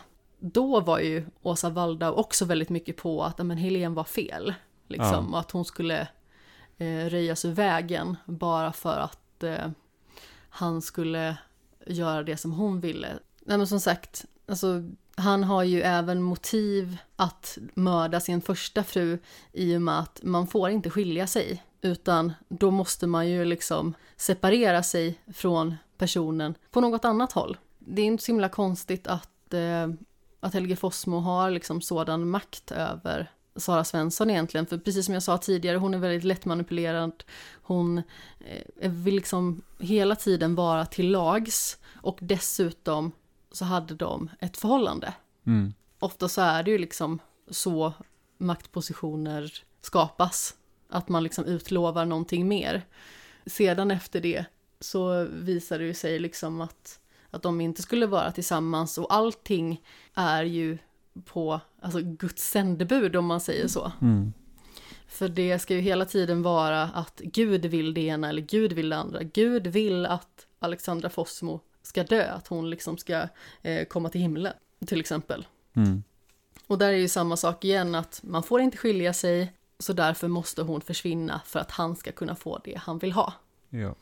Men det kommer ju upp lite andra så här intressanta detaljer i eh, den här dokumentären också.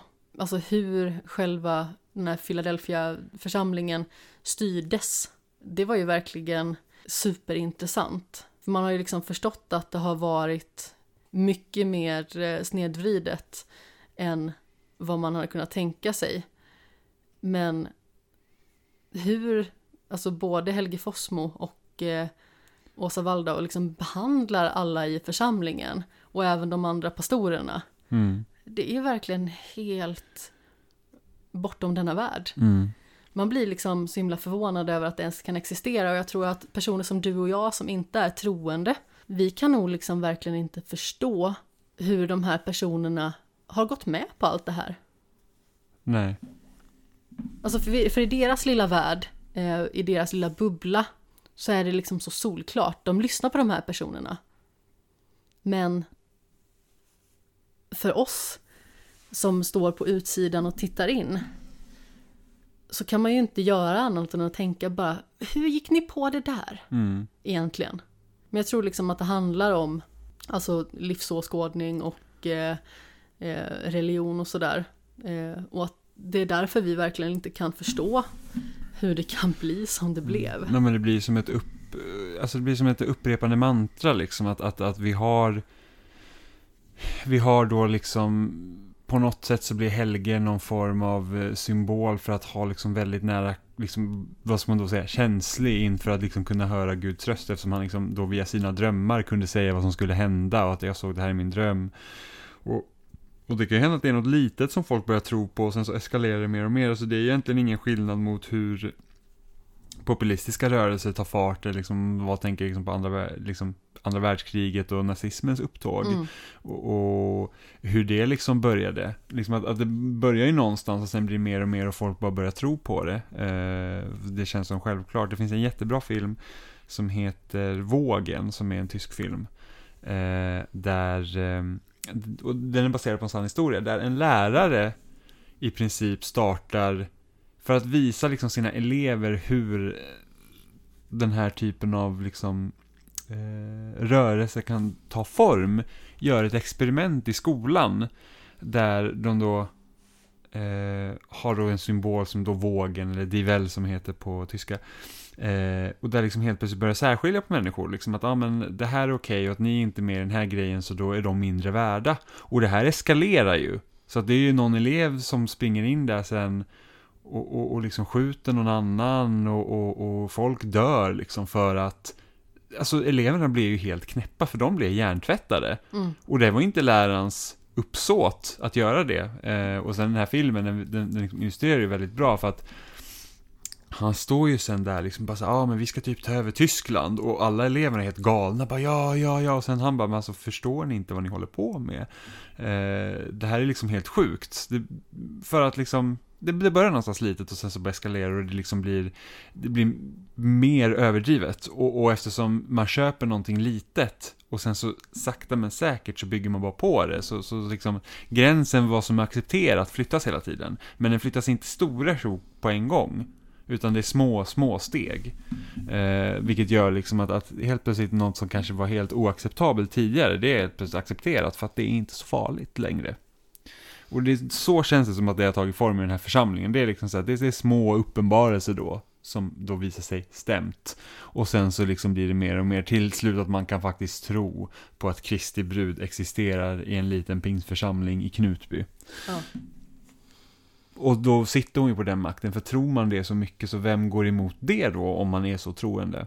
Nej men exakt, och det var ju jättelänge som även Sara Svensson fortsatte att tro på det här även under tiden hon eh, satt inne på rättspsykiatrisk avdelning. Mm. Och eh, där märker man liksom hur stark den kraften är. Ja, och där ser man också bidrag, för att, att en bidragande orsak var ju det att helt plötsligt så skulle då inte församlingen tycka om henne för att hon hade gjort någonting. Mm. Jag kommer inte ihåg exakt vad det var som hade hänt, men liksom hon, hon skulle frysas ut. Mm. Eh, och blev liksom då av Kristi brud förkastad till helvetet. Att liksom att när du dör så är det liksom, det är över för dig. Mm. Och har man då en så stark tro att man verkligen tror att det finns ett helvete och det finns en himmel, då blir liksom att dö är ju då det värsta som kan hända för att du kommer inte till paradiset då. Ja, Eh, utan du är liksom dömd till evig eh, tortyr i princip. Eh, Och på så vis kan ju också Helge spela på det, spela på hennes rädsla att inte komma till himlen. ja, för då handlar Han det måste liksom... få henne att göra det här. För jag tror att då, han, då, då måste hon liksom, alltså hon måste då se till att försonas. Exakt. Och, och då har hon liksom ett uppdrag då att hon måste hon måste helt enkelt eh, göra X eller Y för att kunna få en port till helvetet och liksom bara det att tack vare hennes Himlen menar du? Eh, Ja, precis. För att komma till himlen och slippa helvetet. Och tack vare det då, och, och, och då är det så här helt, men, men hur kan man då, hur skulle då att mörda någon vara lösningen? Liksom, hur kan det stå rätt till med att, liksom, att då få en biljett till paradiset? Eh, men då har de ju också det här liksom att man, det, det finns ju, of, ofta är det nog, det finns ju alltid liksom en, en konflikt med att det finns onda krafter som måste bort. Mm. Och det är liksom en kamp mot ondska. Och det är liksom på det sättet så liksom spinner vidare i henne, liksom att, att hennes rädsla gör ju det att till slut så kan hon i princip göra vad som helst. Och då är det så här, hur länge pågick den här utfrysningen till exempel? Det är, det, det är liksom alltså att man bryter ner en människa och så. Sen är inte hon såklart utan skuld, för att hon har ju fortfarande mördat en person Absolut. och skjutit en annan. Eh, så att då är det ju... Så, men, men ändå liksom... Det går ju aldrig att komma ifrån Nej. vad hon har gjort. Men det går ju att förklara varför det blev som Ja. det blev. Men sen så är det ju också så att som i... Kanske en liten spoiler, men som i slutet av dokumentären så är det liksom oklart att det är inte ens säkert att hon faktiskt mördade eh, Alexandra Fossmo. Även om hon sköt henne. Mm. Utan det är liksom det hintas att hon kanske till och med var död från början. För att Ja. hon berättar ju liksom, för att det är en intervju med Sara Svensson, liksom att efter att hon skjuter första skottet så hör hon, det är liksom ingen reaktion. Och Hon då träffar hon, inte. nej, och hon träffar henne i höften. Alltså vem som helst vaknar av att träffas i höften av någonting som gör jävligt ont. ja, jag tänker det också. Ja.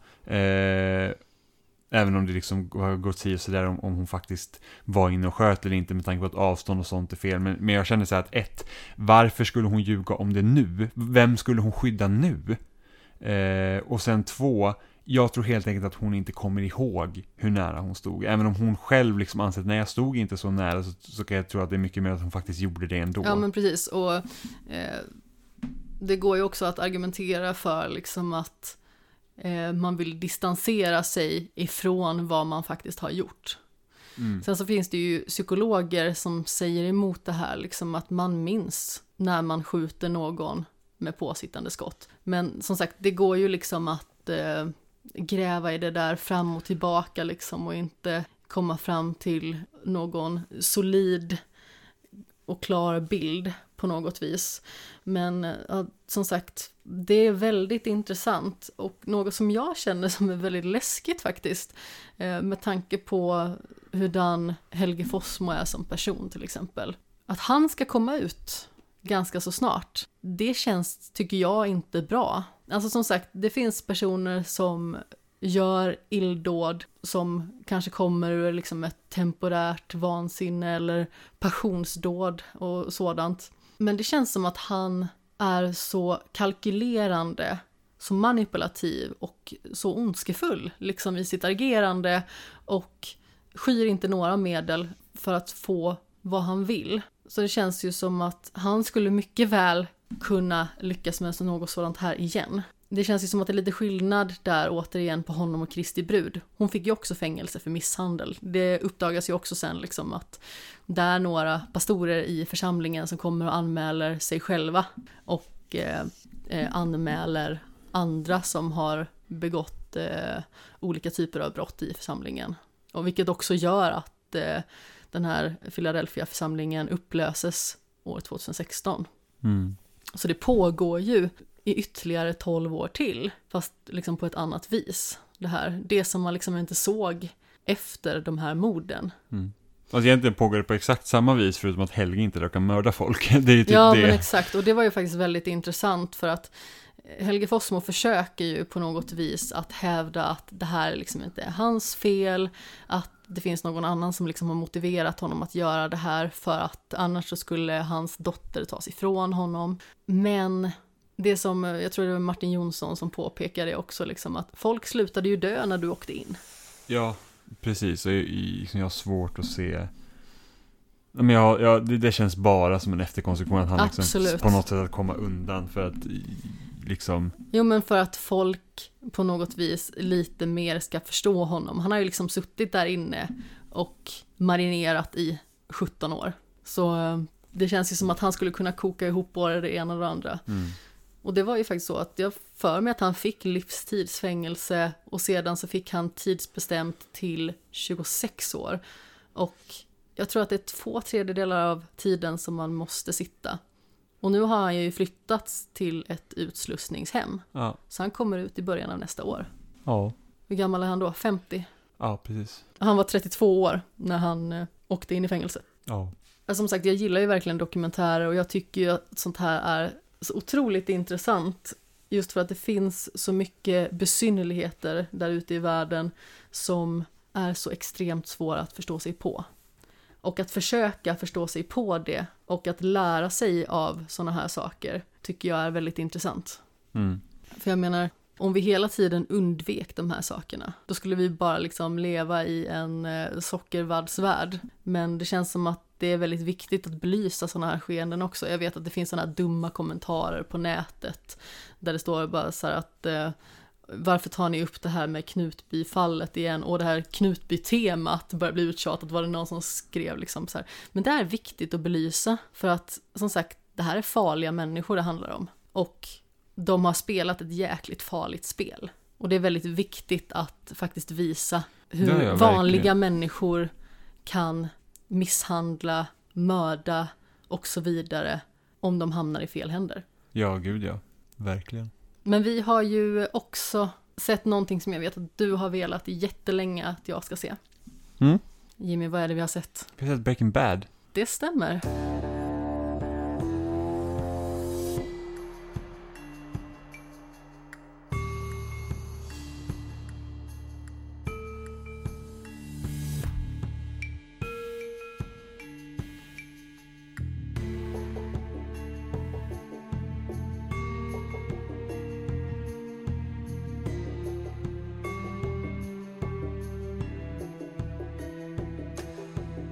Efter mycket om och men och efter eh, en tur av försök att se Breaking Bad så har vi tillsammans sett Breaking Bad. Jag är framförallt nyfiken på, det var väl ett tag sedan du såg den här sist? Mm, jag tror jag såg den sist, kan vara 2015 eller något sånt, när jag köpte Blu-ray-boxen. Sex år senare, vad tycker du om den nu? Jag tycker fortfarande den är jättebra. Du tycker fortfarande den är jättebra. Va? Jag tycker den är kanon. Någon mer kommentar än så? eh, nej, men alltså, jag tror att den är... Jag gillar hur lång tid den får liksom ta saker på sig. Jag gillar också att man, man får se liksom den här progressionen i Walter White, liksom från att han går till den här då... Eh, vad ska man säga, olycksdrabbade läraren som liksom får cancer till att han liksom egentligen blir någon form av knarkkung och eh, egentligen seriens skurk. Ja, och riktigt eh, kallblodig. Ja, precis. Beräknande och liksom också en person som då anser sig ha makt över andra liksom, att, att, och hatar att förlora.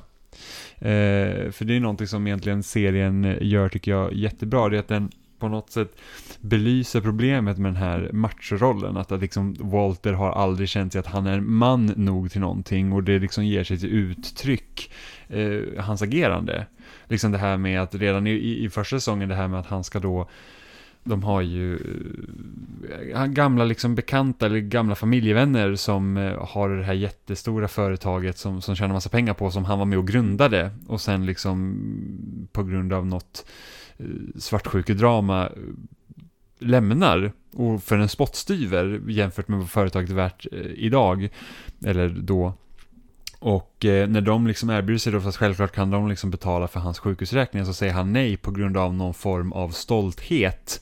Ja, han har Eh. ju så extrem stolthet i Ja, men så allting. otroligt liksom, att, att nej, det är liksom, han ska minsann inte ta någon hjälp för Ja. att han är man nog att klara sig själv. Ja. Eh, Och med då, det så blir han ju också en sån extremt självisk karaktär. Han bryr ju bara sig om sig själv i så himla många skeden. Och det känns ju också som ett sånt tillfälle där han agerar extremt själviskt för att istället för att ta emot de här pengarna som kan hjälpa honom så tycker han att det är bättre för honom att sälja narkotika. Mm. för att kunna tjäna ihop pengar till det här själv. Mm. Och det går ju ändå liksom, såklart, det går ju att förstå liksom anledningen. Så bara okej, okay, men han liksom försätter sig i den situationen och, och man liksom förstår hennes motivation. Ja. Eh, men sen liksom under, under seriens gång liksom märker man hur mycket han avskyr att förlora och han tror hela, han är ju smart. Eh, men han tror också att han är jäkligt mycket smartare över sådana som har hållit på med det här i flera, flera år som liksom så att du har ingen koll, men på grund av liksom att han anser sig vara över alla andra så liksom, och det roligaste är att på grund av det så sätter han ju alla andra i problem egentligen. Absolut. Mycket av det som händer i serien är på grund av att de har en, en person som egentligen inte kan, tror sig kunna och därav blir det trubbel. Ja. Ehm, och mycket beror ju på grund av då också den crystal meth han kokar är liksom det finns liksom inget bättre. Det är så hög kvalitet på den att, att de som har, de som säljer det här då kan tjäna så mycket mer pengar. Då Trots var att den de, typ så här 97% ren eller Ja, men precis sånt. jämfört med liksom annat som fanns som kanske var 50-60 procent. Eh, men, men samtidigt så att deras girighet gör ju också att, att, att det blir liksom för att om man då tänker på eh, Gus som karaktär till exempel som har byggt upp det här imperiet och hållit sig väldigt mycket i bakgrunden liksom och lyckats smyga runt eh, under flera år. Liksom så här att hans, hela hans affär fungerar ju fortfarande egentligen. Alltså han skulle egentligen inte ha i behov av att ha Walter White med den typ av renlighet i hans meth. Han förtjänar ändå mycket pengar. Men det är liksom så här att mycket vill ha mer. Ja, han tjänar ju snuskiga summor. Ja, precis. Och sen så tjänar de ju ännu snuskigare summor Mm. när de kan liksom öka priserna och sånt och förmodligen är det ju mer eh, beroendeframkallande. Men eh, så, så att alla, liksom han borde ju brutit med Walter White för länge sedan. Absolut. Eh. Problemet är ju att även om han försöker göra det så bryter ju sig Walter White hela tiden in igen och försöker hela tiden nästla sig in i olika sammanhang.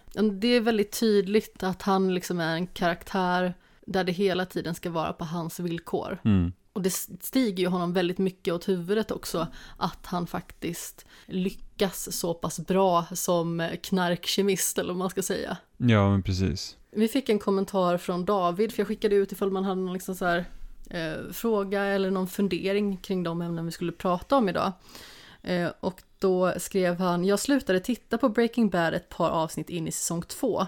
Jag kände att det inte fanns något som sporrade mig att titta vidare mellan avsnitten. Min fråga till er är, anser ni att jag gått miste om något genom att inte titta vidare? Vad gör den fortsatta serien annorlunda mot vad den gjort i det jag sett hittills? Alltså ja, det skulle jag väl säga ändå att man går miste om någonting. Jag vet ju att serien är väldigt långsam i början. Det, det liksom, den tar tid för att den bygger hellre upp. Det handlar liksom inte alltid om att Walter ska liksom sit- sitta och koka meth och sen så händer massa grejer. Eh, utan den bygger ju upp dramat under en längre tid. Ja, och det... är inget explosivt knark-action direkt. Nej, precis. Och det får ju... Och det får ju egentligen... Alltså det gör ju... Det, alltså du får ju först... Vad ska man säga? Ja, inte avbetalning, vad heter det? Eh, Avkastning. avkastning. Det, det bär inte frukt förrän i säsong fyra egentligen. Eh, där verkligen hela serien ställs på sin spets.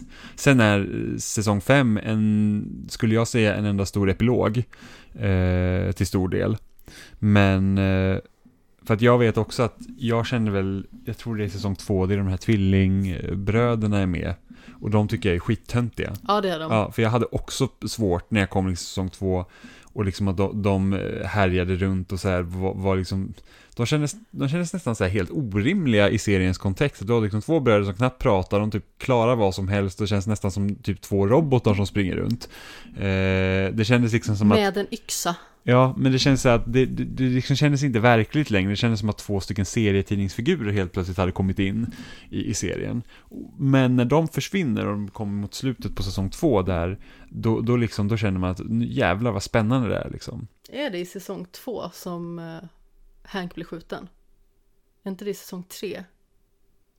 Men inte i slutet av säsong två. Och sen så... Ja, det är mycket möjligt. Alltså nu blandar Eller jag kanske det, ihop det det, kanske lite är grann. säsong tre. För jag har för mig att jag brukar se det som så att det finns en brytpunkt där.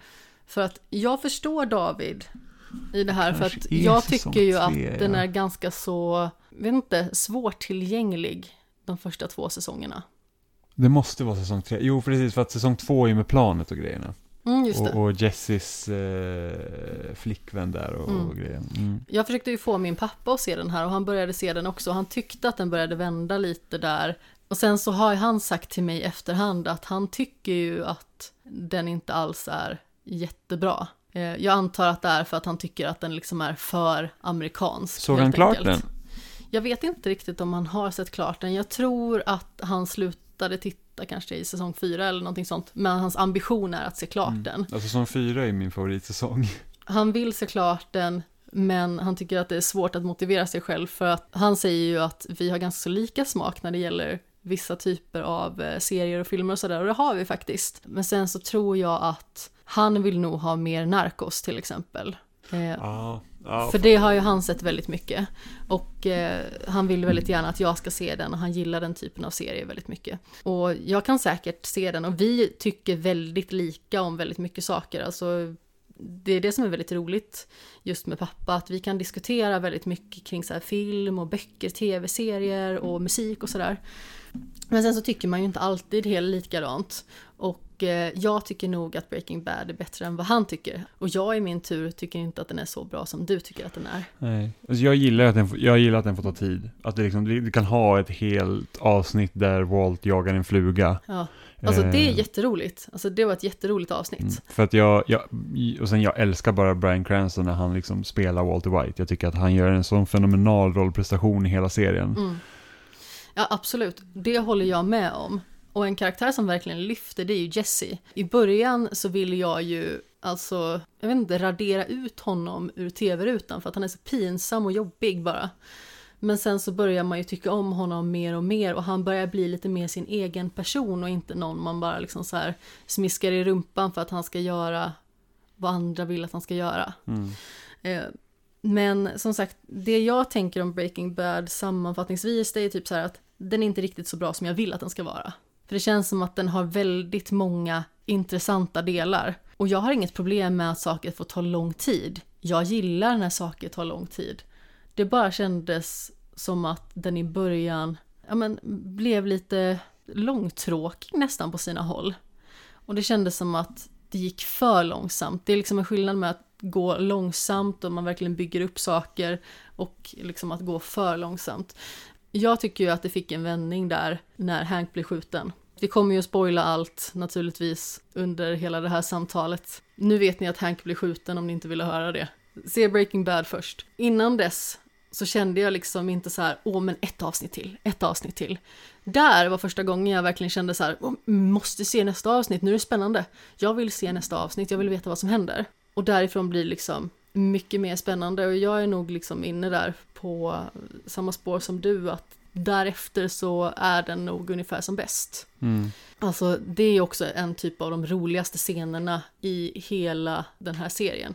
Det är någonting som pappa inte uppskattar, liksom att det är hyfsat mycket humor. Och jag tycker att det kan vara väldigt skönt för att det blir liksom lite desarmerande. Men när Hank då gör sin rehabiliteringsträning, för som sagt han blir ju skjuten, får liksom svårt att gå och måste liksom men kämpa upp sin muskulatur igen i såväl liksom eh, rygg som bäckenområde som ben för att ens kunna gå. Då står ju hans fru Marie bredvid och så kallat peppar honom och det är ju liksom carpe diem pepp vi snackar om. Pain is weakness leaving your body. Pain is my foot in your ass, Marie. Och när han liksom responderar där Pain is my foot in your ass Marie. Alltså det är så jäkla roligt. Alltså jag höll på att alltså, skratta ihjäl mig och gick och fnissade åt det här i dagar för det citatet är, det är så jäkla roligt. Och jag har liksom inte heller uppskattat Hank så jättemycket innan i och med att han är den här liksom typiska machosnubben. Men just det citatet är så, alltså det är så fånigt roligt. Så det liknar ju inget annat. Och sen som sagt, den blir ju ännu mörkare därefter, tycker jag. Plus att ja, men man börjar lite mer komma Walt på spåren. Mm. Och han börjar göra lite mer vansinniga saker. Alltså i början så är det ju typ så här hoppsan, här snubblar jag och så råkar jag döda en person. Alltså det är lite mer det. Mm, sen blir det liksom mer kalkylerande eftersom Exakt. han tror ju att Gus kommer att döda honom vid första tillfället. Mm, han blir ju väldigt paranoid där. Eh, Ja, men samtidigt så har han ju också skäl för det. Ja, absolut. För att eh, han har ju betett sig på ett sånt vis så att han har gett Gustavo liksom anledning att eh, fimpa honom Mm. helt enkelt. Ja, och sen i den branschen går inte att lita på någon. Nej. Alltså jag känner ju det liksom att eh, hade man levt där och då så hade man verkligen inte kunnat lita på någon alls eh, mer än sig själv.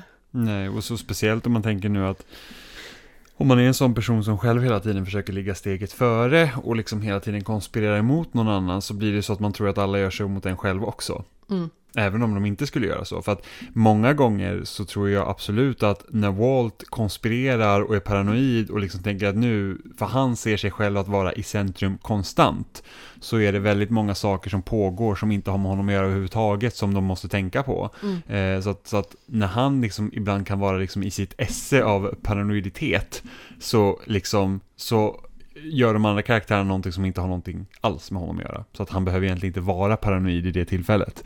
Eh, vilket jag också tycker att serien porträtterar väldigt bra. För det är så här att hade Walt bara hållit sina hästar i hagen liksom så hade det förmodligen inte hänt någonting. Nej men exakt och då hade han ju förmodligen fått behålla sin familj istället för att de skulle behöva leva i skräck. Mm. Och det är ju också en sån sak som är väldigt stark i den här serien tycker jag. Det är ju liksom hur hans familj måste hantera det som händer. Mm. Och först så har vi ju att det bara är Skyler som vet om vad det är som pågår och hon börjar liksom hjälpa honom slutligen att då tvätta pengar. Ja. Och sedan tror jag att det som nästan är liksom tyngst är ju när hans son får veta det. Mm. Det var ju ett extremt hårt slag för honom för att hans pappa har liksom alltid varit typ hans stora idol på något vis. Mm. Eh, och jag tror, jag tror att det var den scenen när han liksom sa att jag vill inte att du ska vara som du har varit den senaste året liksom. Eh, för att han har betett sig så jäkla orimligt. Mm.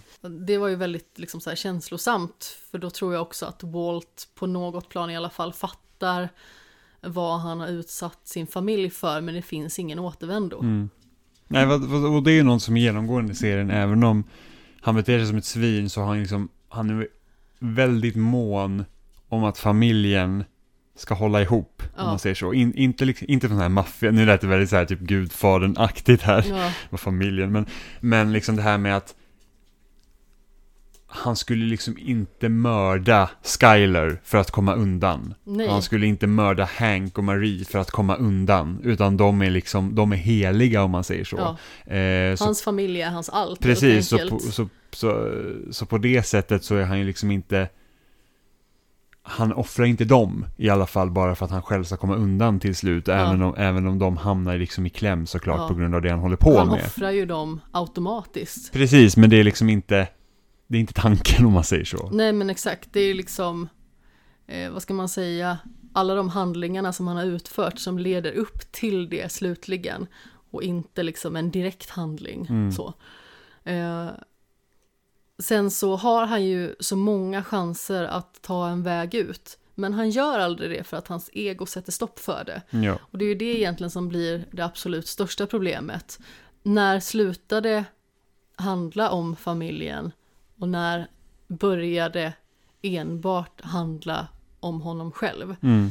Han använder ju hela tiden det som något form av mantra, att det är för familjens skull som han gör det här. Mm. Men någonstans så kommer ju brytpunkten där det bara är för Walters egen skull. Mm. Har du några favoritscener i serien? Ja, Förutom den som jag nämnde tidigare då, så tycker jag ju att en av slutscenerna är så otroligt bra. När han liksom kastar sig ner och skyddar Jesse för den här automatiserade, vad ska man säga, svärmen av eh, vapenkulor som kommer emot den byggnaden. Mm. Som dödar alla som har hållit Jesse fången under väldigt lång tid. Mm. Eh, Så det tycker jag ju även att Jesse liksom slutligen typ hatar honom. Så tycker jag ändå att det är fint. För att det blir liksom som någon sista gest i att visa hur mycket Jesse faktiskt har betytt för, Wal- eh, för Walter. Walter. För Walter! Ja, för hunden Walter, Ja. Emma Robbins. ja. Nej men som sagt, eh, man märker liksom att han ser på honom som en son i mångt och mycket. Mm. Även att han ofta beter sig jäkligt svinigt mot honom. Mm. Och det är det som gör mig typ så lite förbannad då och då i den här serien. Det är att han har ju stunder där han liksom verkligen visar hur mycket han bryr sig. Men ibland så känns det också som att han gör det bara för att vinna över Jesse. Mm. Jesse avsaknar ju liksom någon form av fadersgestalt eller förälder som liksom verkligen bryr sig om honom numera. För han anser ju att han har förlorat sin familj och att de aldrig liksom har brytt sig om honom. Eh, Men det blir ju ganska så tydligt redan i början av första säsongen när han är där och besöker sin familj och hans lillebror säger liksom att det är ju Jesse som är föräldrarnas favorit. Mm. För att de pratar ju inte om någonting annat. Det är ju så lillebror ser på det. Och att de förmodligen hade väldigt höga förhoppningar på honom. Men att han blev en person som de absolut inte tänkte sig att han skulle bli. Mm. Och då blev ju lillebror raka motsatsen. Mm. Har du själv någon sån här favoritscen? Så jag, äl- alltså jag vet, jag älskar det är när ehm, det är Walter och Skyler som är i... Walter. Ja, Walter och Skyler. eh, som är i, eh, jag tror det är deras sovrum eller någonting sånt. Och eh, han har väl fått, han har en blåtira på ögat. Och hon liksom är rädd att, så här, att men är, är det, det är precis efter att Gail har dött. Så hon bara, men kommer någon komma hit och knacka på dörren och skjuta dig liksom? Eh, alltså liksom, nu, nu har du nog vatten över huvudet. För hon, även om hon vet att han liksom håller på och kokar meth. Ja. Så vet hon inte alls om vilken soppa han faktiskt sitter i. För att han fortsätter ju ljuga. Eh, och liksom säga att nej men om, vi, vi sa det, vi går till polisen om det är liksom så pass, om vi, om vi liksom är i fara. Och då liksom, liksom det tänder ju bara till i honom då. För att hon ser ju samma person som hon gifte sig med liksom. Som lite, lite försynt, lite försiktigare liksom. Lite fumlig. Ja, som har den där otroligt fula mustaschen. Eh, Medan han liksom... Sorglig mustasch Ja, faktiskt. medan han liksom praktiskt taget faktiskt har mördat folk för att vara där han är. Eh, och då liksom vänder han sig till dem och säger bara, vem tror du att du pratar med här egentligen? Om det är någon som kommer fram till dörren så är det jag som knackar på liksom.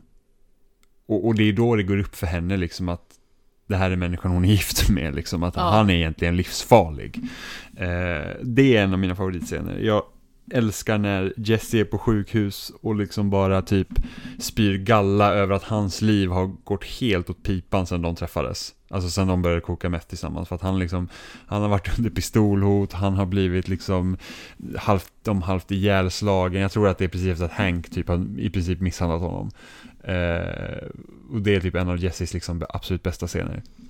En av Jesses bästa scener enligt mig, det är ju när han och Walter är i husvagnen, när den liksom är avställd i stort sett och Hank har följt dem dit och de har liksom bommat igen dörren och eh, sen så kommer någon liksom och läser lagen för Hank så att han ska liksom behöva en husrannsakan för Ja. att komma in för att ja, men, det här är liksom en husvagn, det här är ett hem. Mm. Så du får liksom inte komma in här.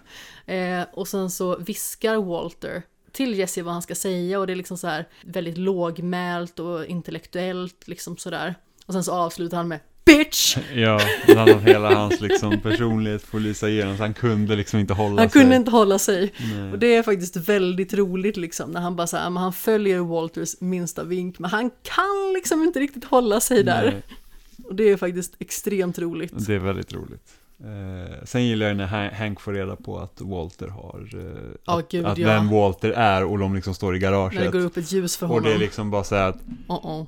om man liksom helt plötsligt så liksom bara han ser liksom på honom på något annat sätt och sen Walter liksom svarar så här bara om, du, om, om jag är den du tror att jag är Mm. då skulle jag vara jävligt försiktig liksom. Ja. Och, och det här är också så roligt för det, det visar också vilken liksom stor dos humor det finns i den här serien för att han liksom spelar så jäkla liksom häftig och liksom har övertaget där när de står Ja. i garaget och sen sätter han sig i bilen och typ har panik och kör därifrån liksom. Ja. Att det är liksom bara oh my god jag är liksom Vad tagen. gjorde jag? Ja, eh, så det är jättekul och sen så Men eh, just den scenen är ganska så eh, rolig också, för det är liksom så här, Det är nästan som en västernfilm, de där som står här på varsin sida rummet. Precis, så, det är liksom så det finns jättemånga sådana bra eh, tillfällen i den här serien. Och sen också eh, ett av de sista avsnitten.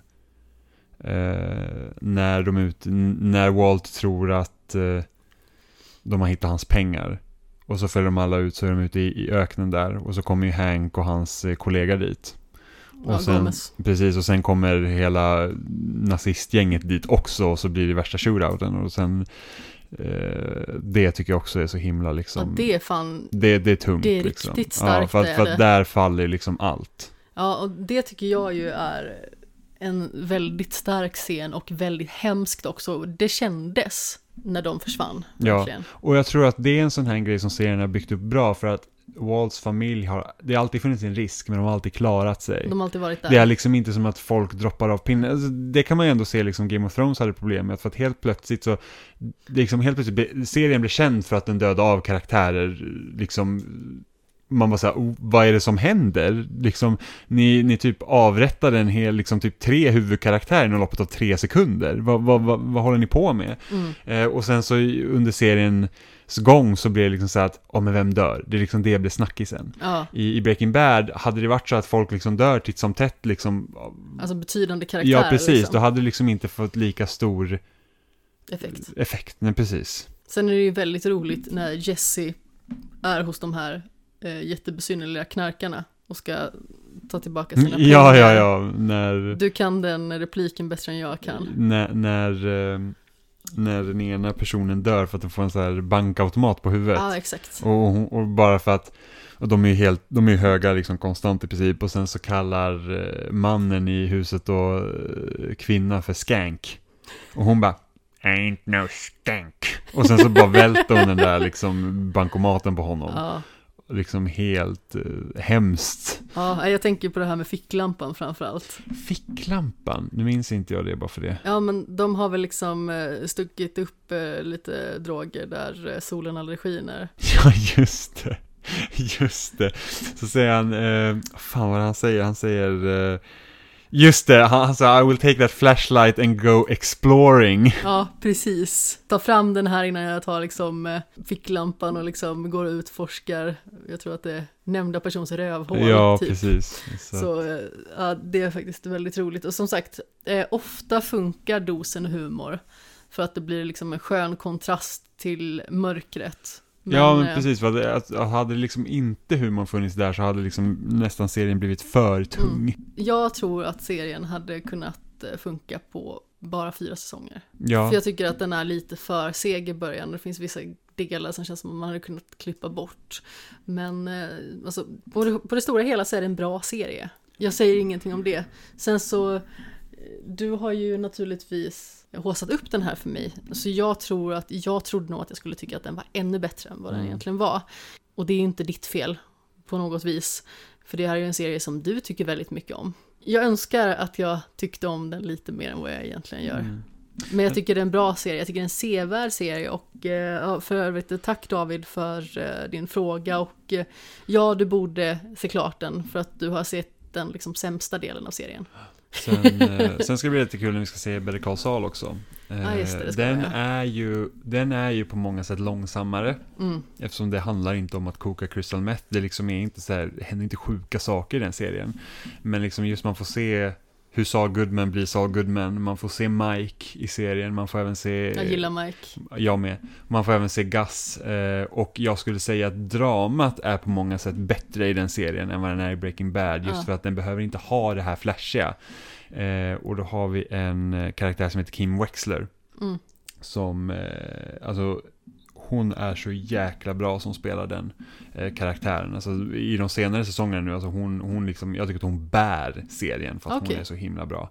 Eh, Jag men tycker det det- är så himla roligt för att det finns så himla många serier som du har sett eh, som på löpande band kommer upp på, på tal. Liksom bara så här, ah, men den här måste vi se, den här måste vi se, den här måste vi se, oh, oh, den här, vi måste se den här, eh, den här ska vi se.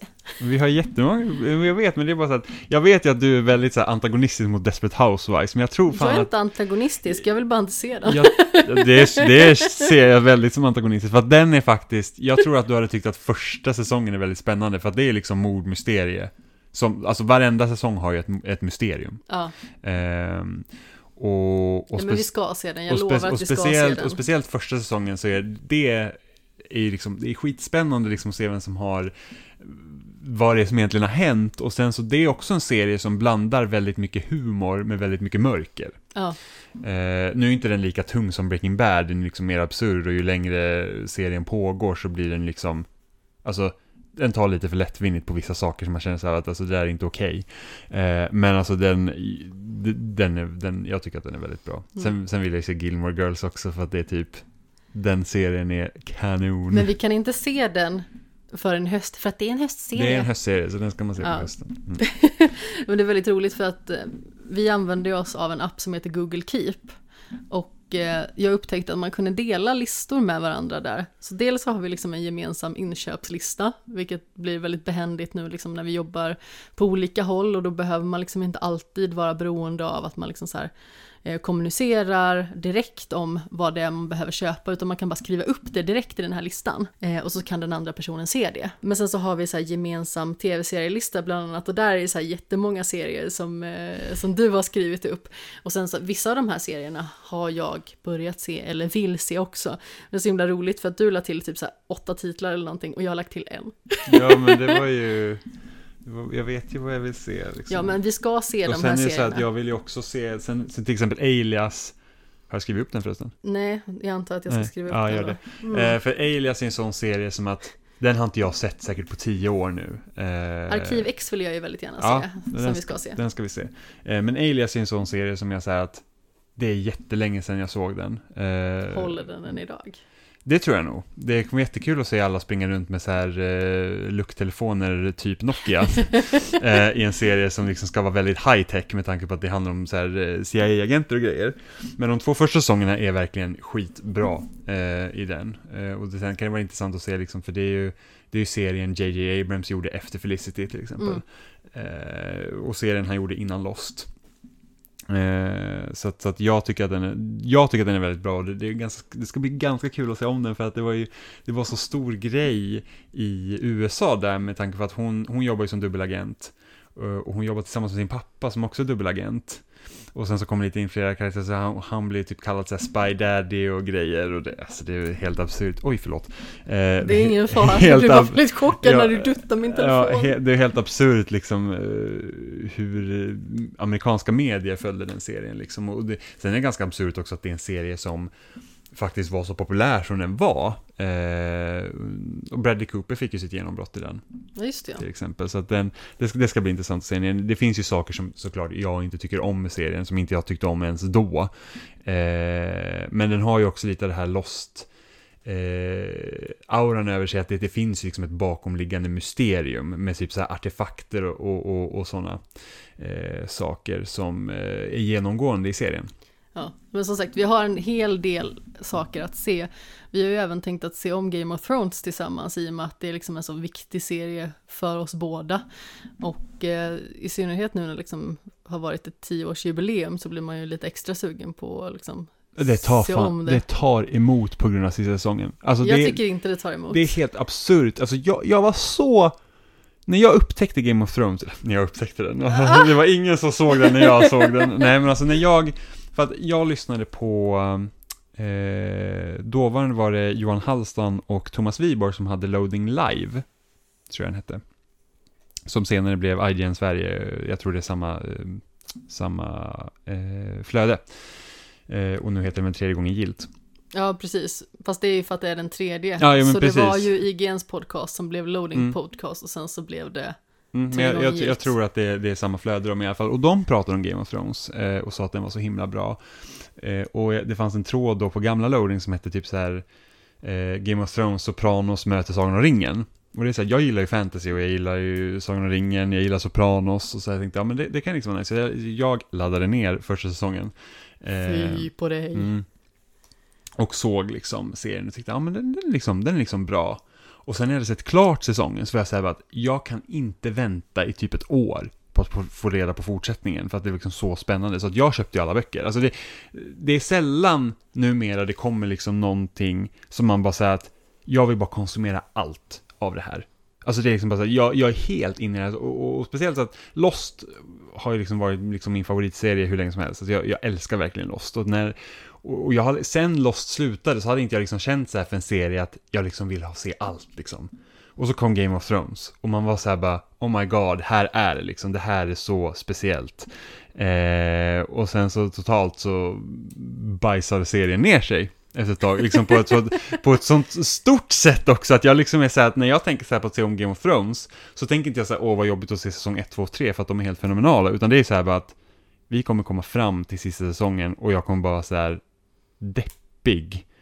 Och sen så kommer jag bara tänka på att vi kanske aldrig får den här jävla fortsättningen i bokform. Vi kanske aldrig ens får slut på serien i bokform för att det tar så jäkla lång tid att skriva den. Ja, George R. R. Martin kommer trilla av pinn innan den blir klar. Ja, men det känns lite som det. Det är, det är liksom så här att senaste boken kom 2011. Så det har gått tio år sedan senaste boken kom. Ja, Så för mig är Jon Snow fortfarande död. Jon Snow är död för mig. Mm. Ja, men i böcker, det är ju där liksom femte boken slutar. Ja, nej men precis.